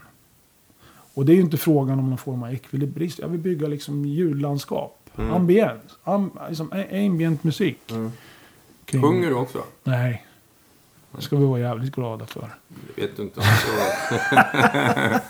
Nej, nej det är instrumental musik. Det, Mm. det, det, det bygger ju på, på liksom att det, att det är eh, ja, improvisation och mer liksom experimentell eh, musik. mm. Helt enkelt. Och det vill jag göra mer. Jag känner att det, i, i den fåran har jag, har jag mycket att, att ge. Liksom. Mycket kvar att utforska. Ja, Och sen håller jag ju på med, har ju bara lite mer egen musik också. Ska ju släppa en, en dubbsingel här vad det lider. Bra. En, en, eh, så jag kommer igång med det igen. Det är kul. Så det är det här basalbumet och så ska jag börja puttra på med lite egna projekt. Och, och eh, ja, så får vi se liksom producentmässigt så ligger lite lågt nu men det dyker säkert upp någonting. Ja. Det hoppas vi. Mm. Tack. Ulf Tack. Rockis Ivarsson. Tack Martin. Bra gjort.